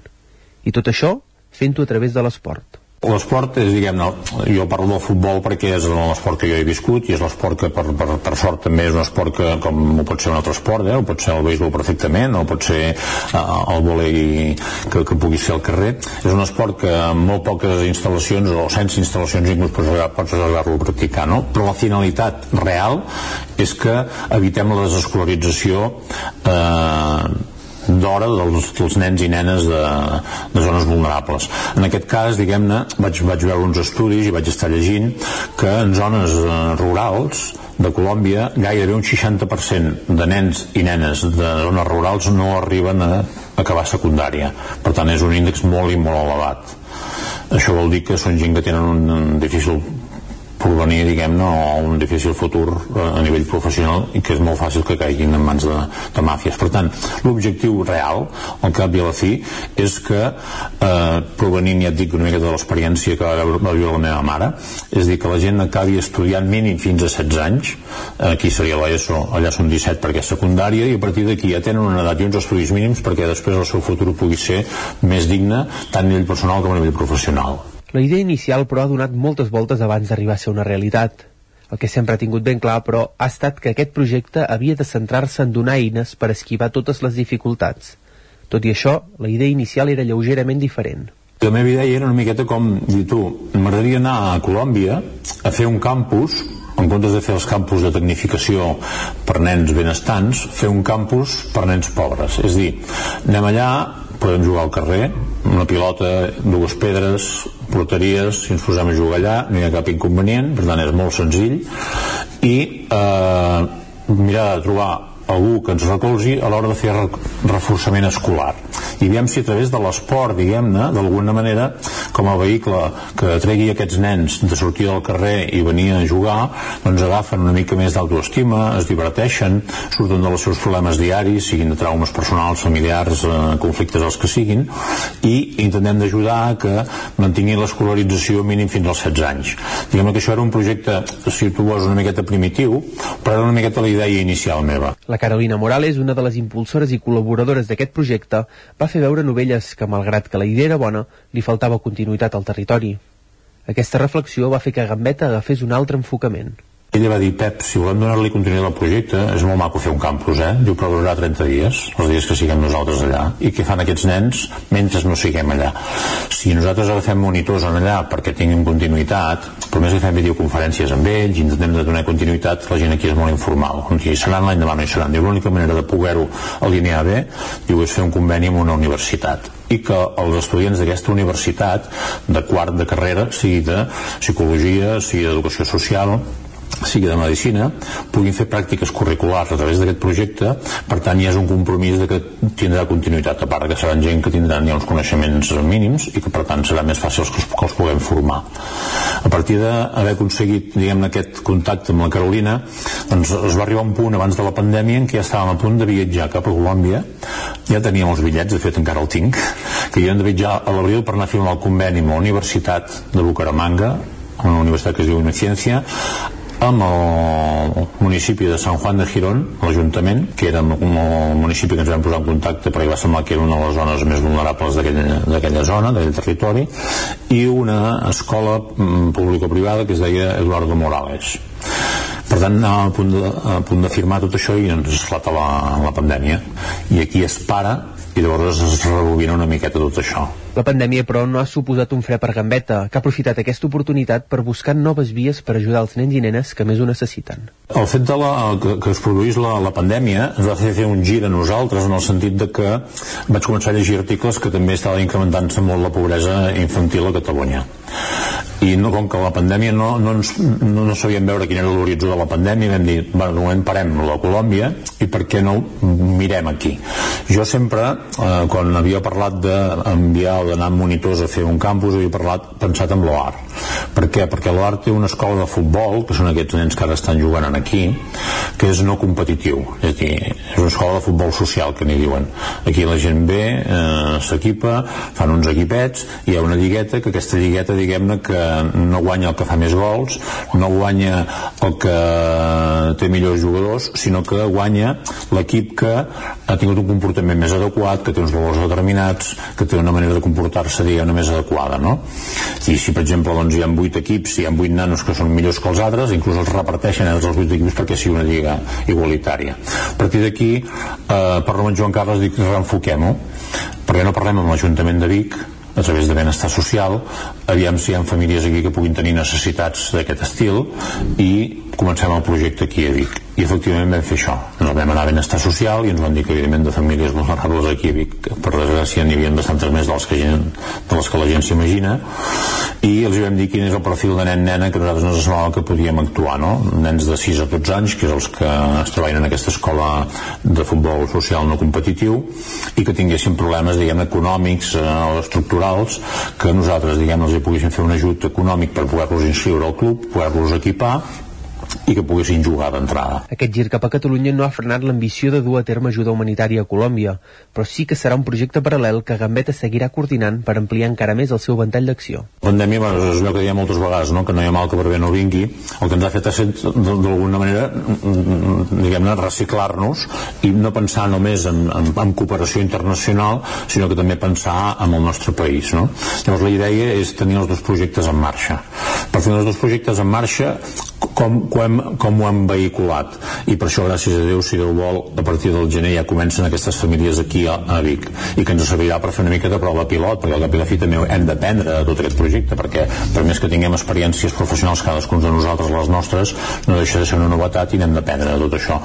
Doncs com ho hem vehiculat? doncs ho hem vehiculat que a través d'una universitat de Colòmbia i la Universitat de Vic.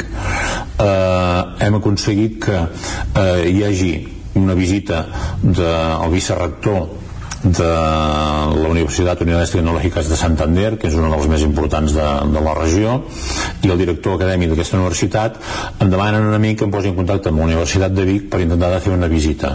Ells volen venir a veure el club, perquè se'ls va explicar el projecte que es faria des d'aquí, ells ja venien per visitar altres universitats per temes d'internacionalització de la pròpia universitat i evidentment volien aprofitar el viatge per veure també la Universitat de Vic. Gràcies a això doncs em poso en contacte amb la Universitat de Vic se m'obren les portes els explico el projecte i des de cooperació ens ajuden a organitzar la, la trobada. Per tant, a partir d'aquí, doncs, eh, aquí a Vic disposem, o disposarem, si la vol, de voluntaris de la Universitat de Vic, a Colòmbia disposarem de voluntaris de Colòmbia, i en un futur el que volem és créixer aquí a Vic i créixer a Colòmbia i fer, diguem un format de, de projecte que sigui replicable. És dir, que en el moment que nosaltres entre cometes haguem fet el treball efectiu ja estigui consolidat i amb els monitors i amb els eh, recursos humans necessaris a una zona determinada que nosaltres diguem-ne puguem desaparèixer d'allà i ells tinguin continuïtat amb aquest projecte i puguem saltar cap a una altra zona la que sigui. Diguem-ne serà dins de Colòmbia mateix pot ser un altre país de Centre-Sud-Amèrica però aquí a Catalunya exactament el mateix. Començarem aquí a Vic i això es pot traslladar.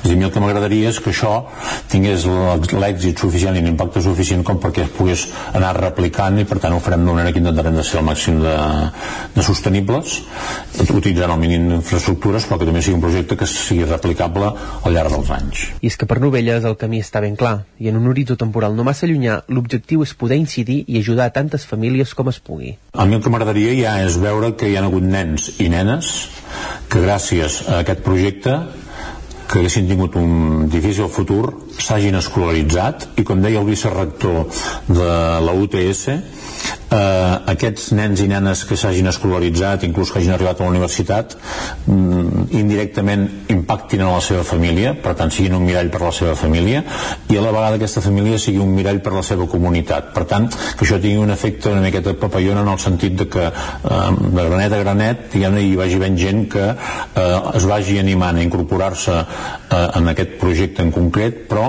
que a més a més tinguem la sort de que vagin acabant els estudis, de que vagin arribant eh, a tenir l'oportunitat d'acabar una carrera universitària o acabar un grau i arribar a tenir un futur digne i que això d'alguna manera ho puguem anar traslladant i ampliant de mica en mica. La paraula gambeta a Sud-amèrica significa driblar i regatejar, i no hi ha paraula que defineixi millor el projecte encapçalat per Novelles i nascut a Vic perquè el seu objectiu no és altre que donar les eines i les ganes als infants per ajudar-los a esquivar totes les dificultats que se'ls presentin a la vida. I a través de l'esport i amb la vista sempre posada en l'educació, Gambetta comença a caminar amb ambició i amb moltes ganes. I quan aquests dos elements s'ajunten, és sinònim d'èxit assegurat. Doncs ja coneixem el projecte Gambetta. Gràcies, Eloi. Una pausa de 3 minutets i tornem amb la recta final del Territori 17, l'R3 i la tertúlia esportiva.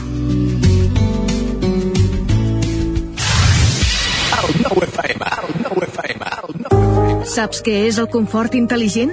És tenir un terra radiant Giacomini a casa. Benestar que no es veu, però es nota tot l'any. I que pots controlar a distància des del teu mòbil, estalviant energia i diners. Suma't al confort intel·ligent amb Giacomini. Informa't a giacomini.es o truca al 93 884 1001 i t'ajudarem a tenir un terra radiant a casa o a l'oficina. Giacomini, la climatització que et mereixes. A la botiga Ànima Records de Vic hi trobaràs tota mena de regals originals i personalitzats, productes artesans i de proximitat.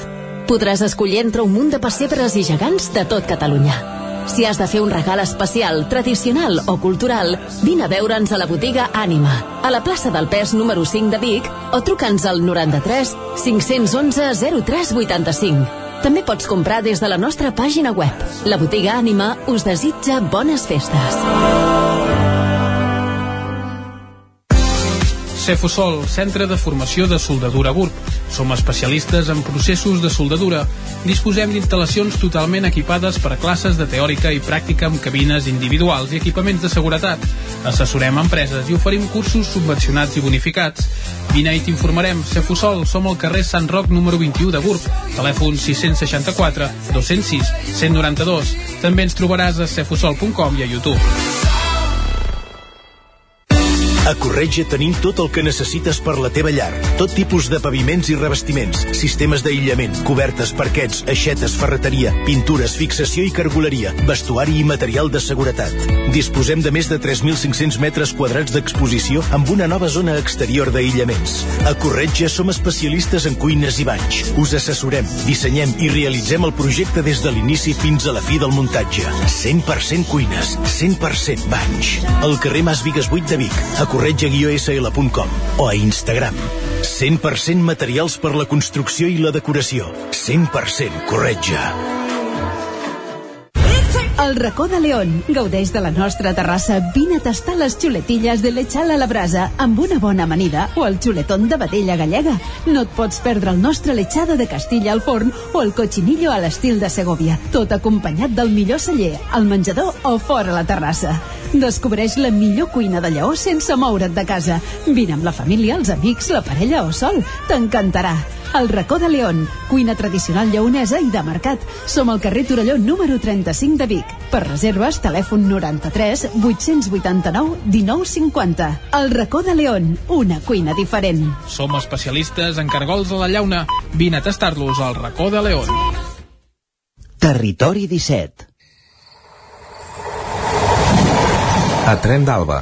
Cada dia els usuaris de la línia R3 de Rodalies que veuen sortir el sol des d'un vagó ens expliquen les gràcies i les penes del primer comboi que uneix Ripoll i Barcelona.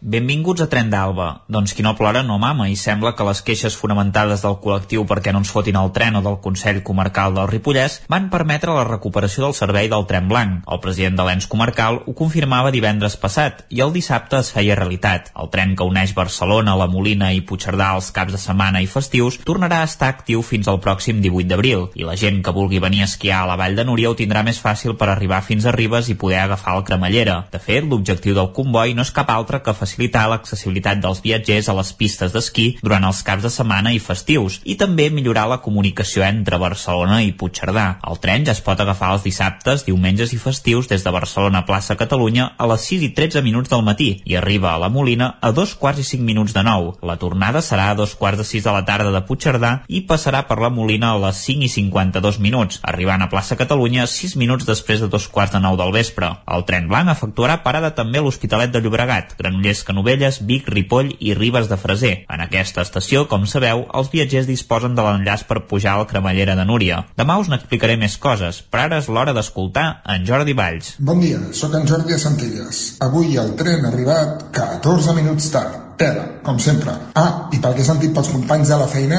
el Segalés E12 tampoc anava massa fi aquest matí. Si és cert que es veia molt de trànsit. Va, us explico una anècdota divertida de dijous. Dijous vaig baixar amb el tren de les 6 cap a Barcelona. Vaig fer un curs. Per tant, vaig arribar a Sagrera i vaig intentar agafar el tren de les 19.30 i ho vaig aconseguir. El de les 19.30 de va cap a Vic. Eh, estava cansat, feia mala cara. Va venir el tren i que costava que entrés. Coses que un posa mala cara i llavors, al matí següent, es troba un missatge directe al Twitter del maquinista del tren que em diu que si estava enfadat perquè estava esperant el tren, que anava lent perquè hi havia el senyal en vermell, per tant no podia entrar. I m'explicava per què, els motius. Tela, no? Un missatge pel Twitter, ho vaig trobar deliciós. El que Rodalies no informa, al final ho acaben fent els propis maquinistes. Perquè no en dubteu, he enviat la foto de la conversa amb el maquinista, que és privada, a la ràdio, perquè veieu que és cert. Res, coses que passen a la Road 3, és part de la màgia del tren. Ah, i recordeu, parlant de màgia, que una Renfe qualsevol no us espatlli la màgia del tren. Que vagi bé la setmana que serà llarga. Adéu-siau. Doncs podem donar fe que existeix el missatge del maquinista a Twitter. Ara, el més divertit del missatge són les emoticones que hi posa el maquinista per ser més didàctic, com la icona d'un semàfor o de punts vermells i verds per assenyalar l'estop i la llum verda. Almenys ens informa d'allò que passa, que sempre s'agraeix. Va, ens retrobem demà amb més històries del tren i de la R3. Territori 17 El 9 FM, La Veu de Sant Joan, Ona Codinenca, Ràdio Cardedeu, Territori 17.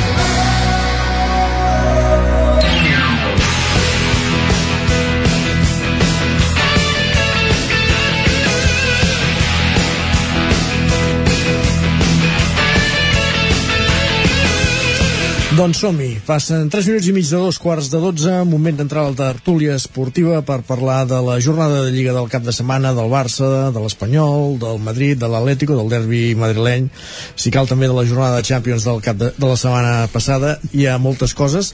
L'Isaac Montada segurament ens dirà que ja no cal ni que fem més tertúlies perquè la cosa està decidida, però hem de creure, Sí. que, hem de creure que no. no?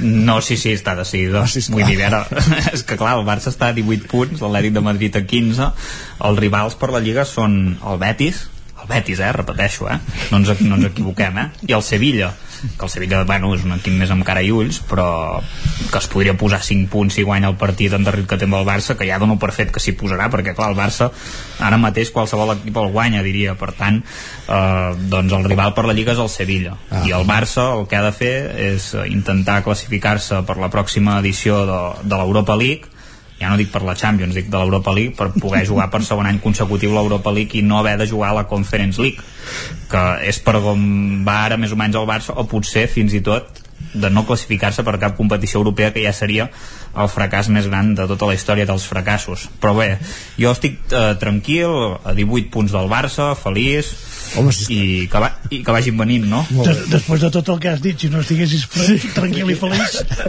Sí, sí, ara és allò... Sí, sí, no, no. Has fet allò... I, i per cert, i, i, i dir que eh, allò que en Guillem de vegades diu que no dono sort, mentida, bueno. dono sort, està comprovat, sóc un amulet, al pont de la policia vaig anar a Madrid, vaig visitar el temple del Bernabéu, com sempre que sol anar a Madrid, Uh, dir que el Tour del Bernabéu es, està reduït, no sé si per les hores uh, i per la Covid i costa el mateix Fa, fan hores els lavabos que- encara. Sí, no, els lavabos i totes les grades i, i era molt més reduït i això, però des de que jo vaig anar-hi 2 a 0 a l'Inter i 2 a 0 a l'Atlètic de Madrid. Per, cert, per, per cert, eh, el, està destapat, no? Vull dir que no, no han acabat les obres de la tribuna encara, no? Ai, de la, No les han acabat. la Et coberta. puc, no. et puc confirmar, si vols, us passaré una foto, que li passaré a, a l'Isaac i us ensenyaré una mica com està el Bernabéu ara. Molt bé, doncs eh, amb aquest preàmbul comença la tertúlia esportiva. Presentem-nos, primer de tot, Isaac Muntades, Guillem Freixa, Lluís de Planell, benvinguts tots tres. Hola. I parlem de, comencem parlant d'aquesta jornada del cap de setmana. El Madrid ja ho ha vist, eufòria absoluta, va guanyar el derbi contra l'Atlético 2 a 0, i el Barça, per dir, per exemple, eh, va, va acabar empatant el Sadar al camp de l'Ossassuna 2 a 2, un partit que semblava que aquest cop sí que, que trencava la mala ratxa però el, els últims minuts doncs, van encaixar aquest gol de l'Ossassuna No, clar, hem començat amb una tempesta blanca que ha sigut com un huracà que ha passat per aquí. Semblava la Molina, això. Sí, el tord. No, clar, aviam, jo tampoc eh, m'enganyaré ni jo crec que l'afició del Barça s'ha d'enganyar. Um, la Lliga és evident que està molt i molt complicada i que lluitar per al títol passaria per eh, fer un segon tram de temporada o el que resta de temporada millor que aquell de, de la primera temporada d'en Rijker quan Sí. van fitxar David Albertini eh? Clar, exacte, fregant pràcticament l'excel·lent i que la resta de rivals, perquè a més a més no és només eh, atrapar un rival, sinó que eh, és que tots aquests que tens pel mig, eh, Sevilla, Betis, Atlético, Real Societat, eh, vagin fallant i, i, i tu els puguis anar atrapant i, i superant. Per tant, aviam, optar al títol de Lliga pel Barça jo crec que és eh, evident mm, que, que serà molt complicat. Eh, Ara bé, eh, aquest Ja pot, desastre... ja pot ser impossible, ja pot ser impossible. Sí, és molt complicat. Jo no, dic, no, no dono res per fet fins que s'acaba, perquè, és clar Està sentenciat ja, home. amb el món de l'esport bueno, i, i vas dir fent aquestes sentències i llavors al mes de juny potser te les traurem quan... El mes de juny triplet. Depèn com acabi va.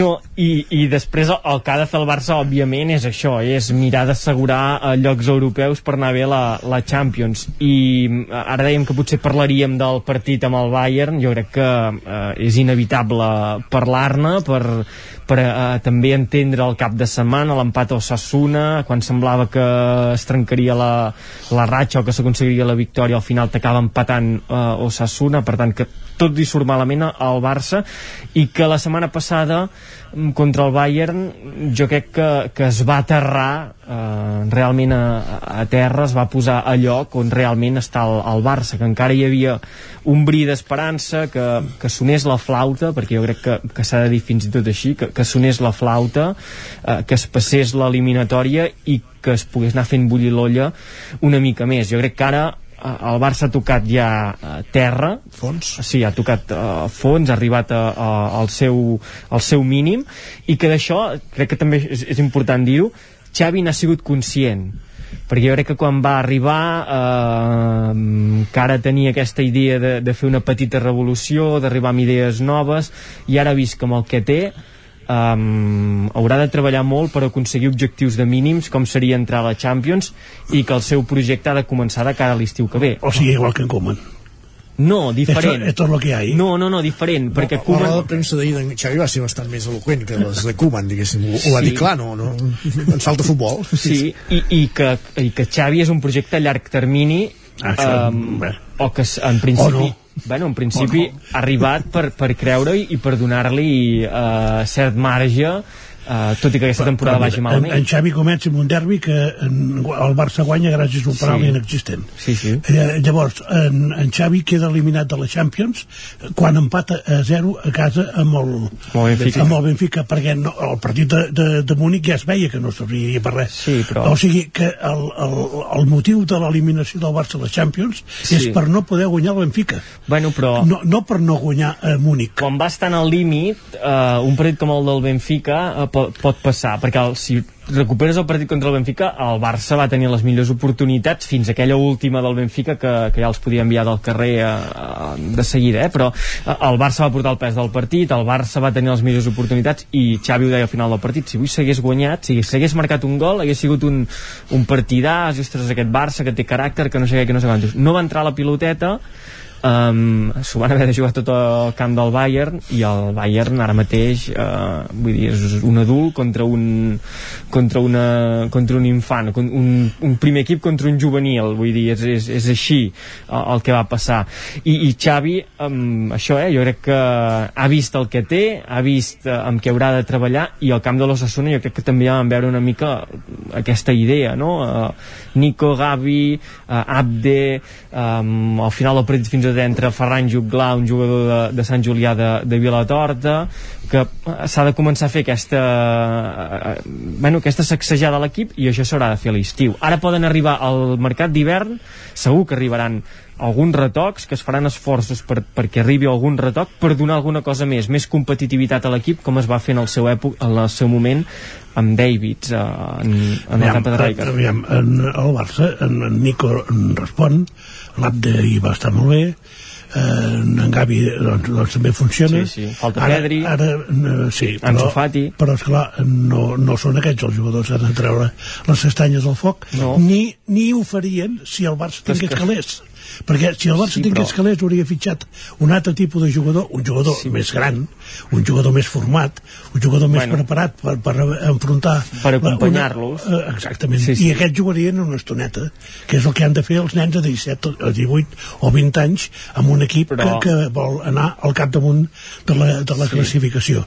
si no és d'aquesta manera el Barça amb, amb, aqu- amb aquests nois amb aquests nens està eh, setè o vuitè i fora de les competicions europees. Però és que- és així això. jo crec que aquí s'haurà de fer una revisió del que és eh, el, el barcelonisme i l'aficionat blaugrana que aquesta temporada ja per suposat que no, que no es podrà anar de- d'equip gran perquè tens el que tens i, i ja s'ha vist amb el que portem de temporada fins on Ah, s'arriba encara has dit has, has parlat d'una remuntada i no sé què del títol, no? No, no, jo he dit que el Madrid, que la Lliga pel Barça està complicada, el que s'ha de veure llavors és si l'acaba guanyant el Madrid, que això Ah, no s'ha d'acabar veient, qui l'acaba guanyant. guanyarà. Que això Per pot quedar, pot quedar obert. Però eh, el Barça aquest any ha d'anar a assegurar, jo crec que tot i jugar amb un gruix de futbolistes molt joves, eh, pot tenir nivell per entrar a la Champions, per classificar-se entre els quatre primers. Sí, sí, sí que... No, no rigueu. Jo crec que pot tenir aquest, aquest Home, nivell. fal, falta molt encara Falta molt, és que esclar... Eh, Es falta molt, però, espera't, eh, no, no sé, eh, però jo crec que esteu més a prop del descens que no mateix que de la Champions, eh, vull dir que jo no... Jo, no, sí, sí, Guillem.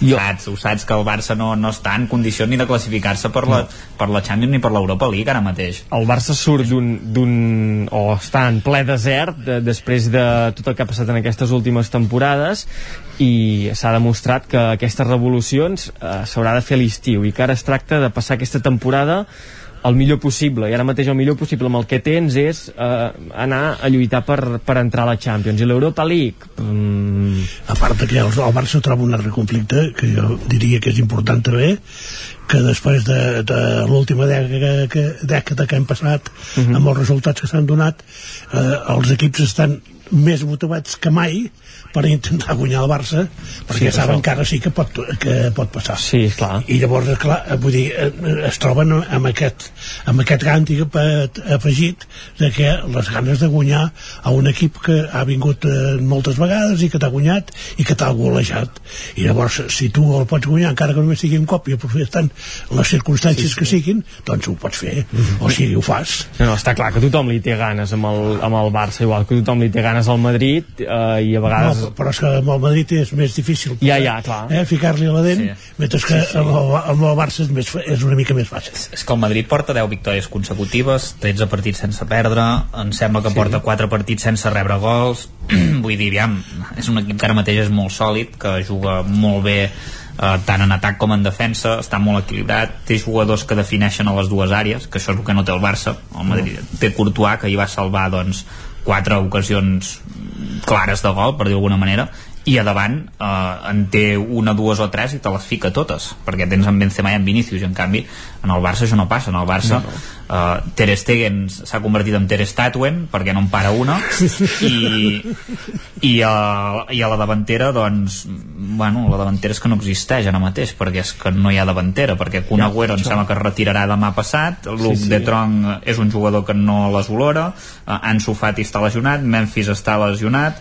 l'única esperança és, és l'app de pobre noi que el van posar davant de la premsa a dir alguna cosa i el pobre noi doncs no va saber dir res perquè és lo que hi ha, no? Sí, sí. I, i, i bueno, a veure no, què passa no sé, perquè tenim problemes eh? i el, i el Madrid, eh, això voldria destacar aquest, aquest juvenil mm que ahir va ser per mi la figura part de, de Courtois a Modric Modric és, és, sí, Modric és un juvenil sí, sí, és, és sensacional eh? Clar, repasses la, tu repasses l'alineació sí. del Madrid i és una alineació amb jugadors molt fets perquè és clar, aquest mig del camp no? Modric, Casemiro, Kroos crec que eren eh, ahir els que jugaven mm, és evident que és un mig del camp de primer nivell i de jugadors fets, de jugadors eh, sí, sí. rodats eh, al primer nivell mundial del futbol mm, si tu mires el Barça doncs això no, ara mateix no passa són jugadors que, que s'han de pujar el Barça tindrà Dembélé que va costar més de 100 milions sí, sí. tindrà Coutinho que va costar sí, sí. més de 100 milions és que, i, i oi com estan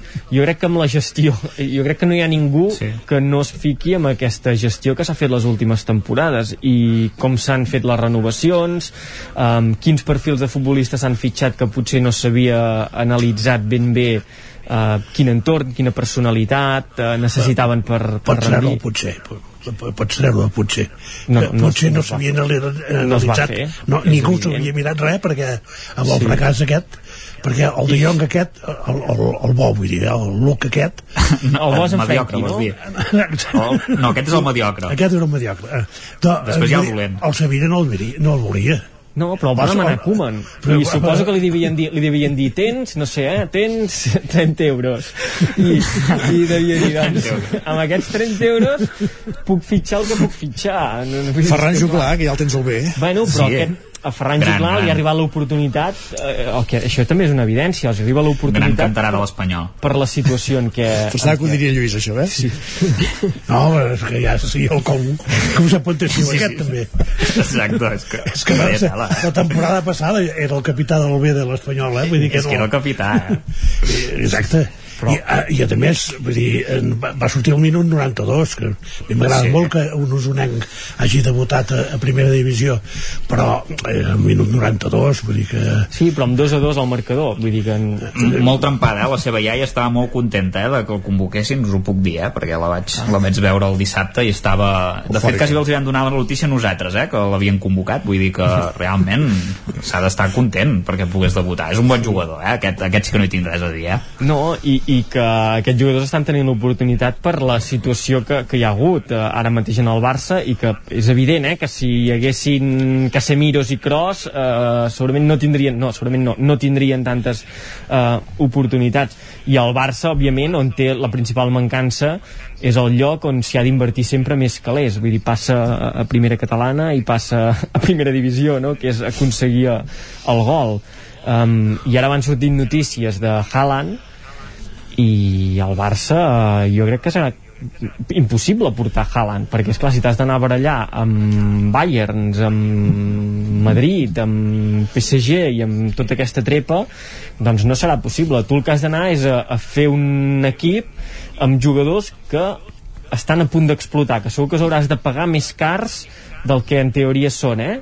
però eh, has d'anar a buscar eh, això, jugadors que encara no han acabat de fer el pas o que estan en un moment de la seva carrera que eh, doncs estan destacant en equips de mitja taula i volen fer un pas més hauràs d'anar a buscar això però anar a buscar jugadors top jo crec que ni aquesta temporada ni la que ve el Barça el podrà fer ni per diners ni per projecte segurament perquè suposant, posem-nos en, en l'escenari que es classifiquin per la Champions aniràs a Champions però hi, hi continuaràs anant amb el cartell que ja no ets un, ja no ets un favorit per tant s'haurà de replantejar tota aquesta idea del Barça durant unes temporades com han fet molts equips eh? perquè um, en les últimes temporades hem vist un Chelsea que s'ha anat uh, regenerant fins a acabar guanyant una Champions de nou un Manchester United que està també en aquest procés de tornar davant de, de tot el Liverpool va passar molt temps que no era un equip punter d'Anglaterra i, i ho, ho va refer bueno, hauràs de, de, de fer tot aquest procés amb l'afegit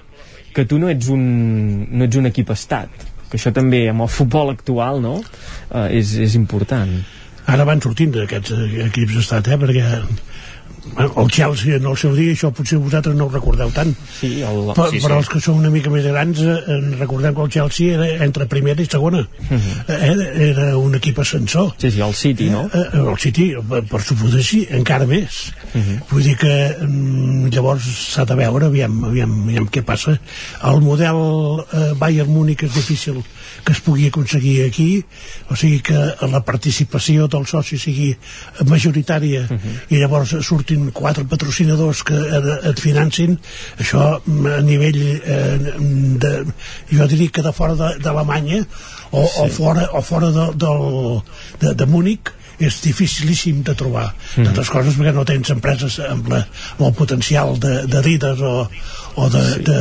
Allianz, no? També deu haver de l'Allianz i, el, mm. i els cotxes la, la BMW, no? no, l'Audi mm. Clar, vull dir que eh, aquestes són tres empreses importantíssimes que aporten el 25% del pressupost de, de, del, del Bayern mm -hmm. i clar, mm, aquí és mm, bastant impensable eh, creure que una, una entitat esportiva per molt que no sigui societat anònima pugui aconseguir eh, eh, sí. això, finançar un 25% de, de, de, del projecte esportiu però sí que es podria copiar o mirar d'acostar en el model del Bayern també en el tema de la gestió esportiva no? que tota l'estructura esportiva del Bayern està eh, formada per exfutbolistes importants de la història del Bayern que van tots a la una pel bé del club això... Aquí canvieu cada 15 dies de, sí, de director tècnic sí, i... hi ha els ismes aquests eh, bitxosos um, però en, en una situació de dificultat jo crec que també s'hauria d'anar cap aquí, anar tots a la una i aprofitar tot aquest talent esportiu que hi ha hagut en aquestes últimes dècades eh, per tu, tu posar... que el Barça anireu tots a la una?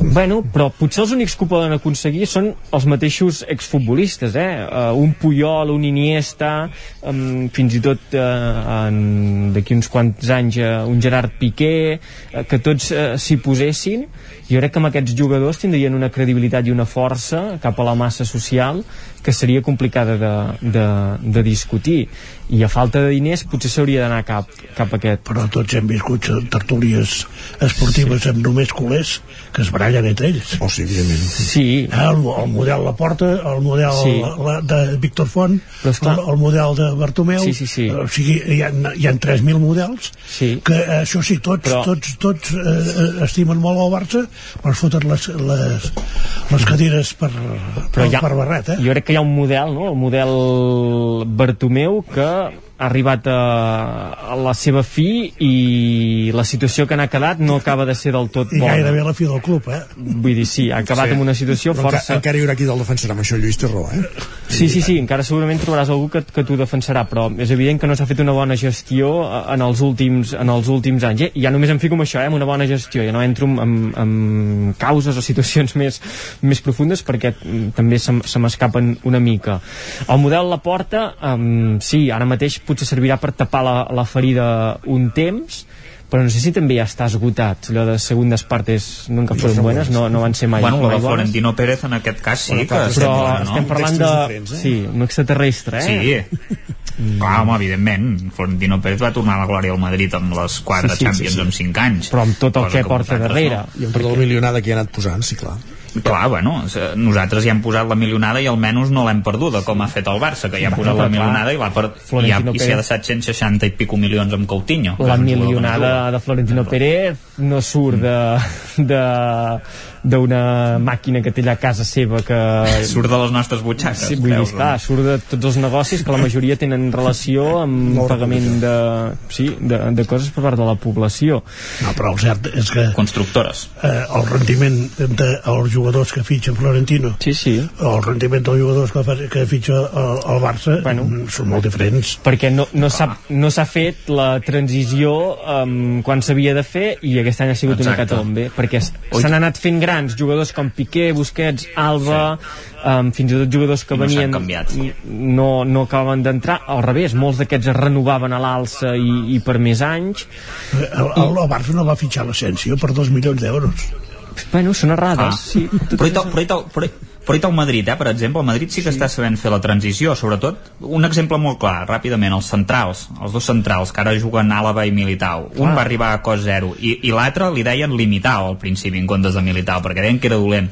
Ara és, el, és pràcticament un dels millors centrals de la Lliga. I en Sí. canvi s'ha pogut eh, vendre Baran per una xifra important al Manchester United. Baran que ha jugat, em sembla, 10 partits aquesta temporada amb el Manchester United amb un rendiment, diguéssim, fluixet. I Ah, Sergio també- Ramos ni en parlem també que ha jugat un partit?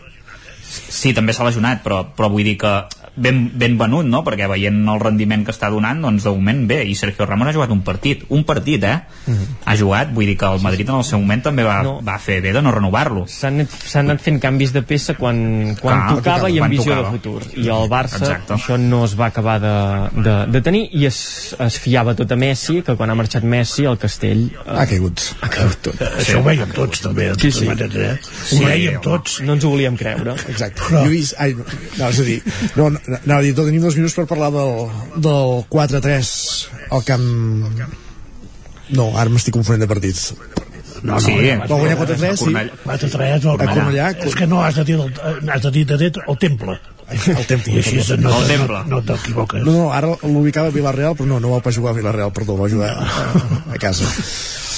No, bé, eh, veient el partit eh, pensaves, ai, que Contra som... el Llevant, ja sabia que era un equip del País Valencià, ara, perdó. Exacte, som un equip aspirina, ja hi tornarem, eh, al, al minut 5 et poses per davant el marcador, penses que la cosa serà la mar de fàcil, de llavors et complica, eh, però al final eh, s'acaba bé, mm, ets superior al rival, ho reconeixes, però eh, et costa demostrar-lo al marcador, sobretot per, per errades eh, infantils per, per exemple, amb això que dèiem de, de, de les plantilles, doncs el, nosaltres els pericos tenim un problema al lateral dret que juga l'Aleix Vidal un, un jugador que és molt, molt bon nano té moltes eh, qualitats però de, defensivament eh, no, no, no respon i llavors eh, aquest noi ens va complicar eh, francament la vida que passa que el titular està lesionat i fins després de festes no estarà en condicions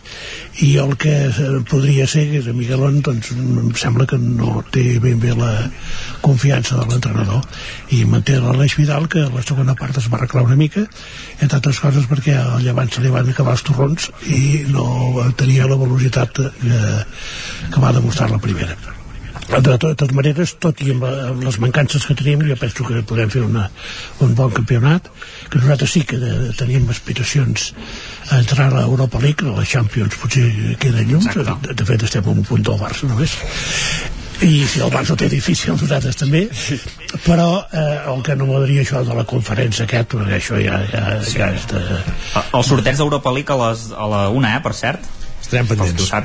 Sí, sí, eh? No, no és a les 12, eh? Ja, a les 12 per les Champions. Exacte. Molt bé, nois, ho deixem aquí. Gràcies una setmana més per ser la tertúlia esportiva. Parlem dilluns. Guillem Freixa, Lluís de Planell i Isaac Montades. Bon dia. Adéu. Bon dia. I acabem aquí també el territori 17. Des de les 9 del matí us hem acompanyat Guillem Sánchez, Pepa Costa, Núria Lázaro, Caral Campàs, Txell Vilamala, Òscar Muñoz, Esther Rovira, Eloi Puigferrer, Isaac Montades, Guillem Freixa, Lluís de Planell, Jordi Sunyer i Isaac Moreno. I tornarem demà a la mateixa hora, a partir de les 9 aquí. Al territori 17, bon dia.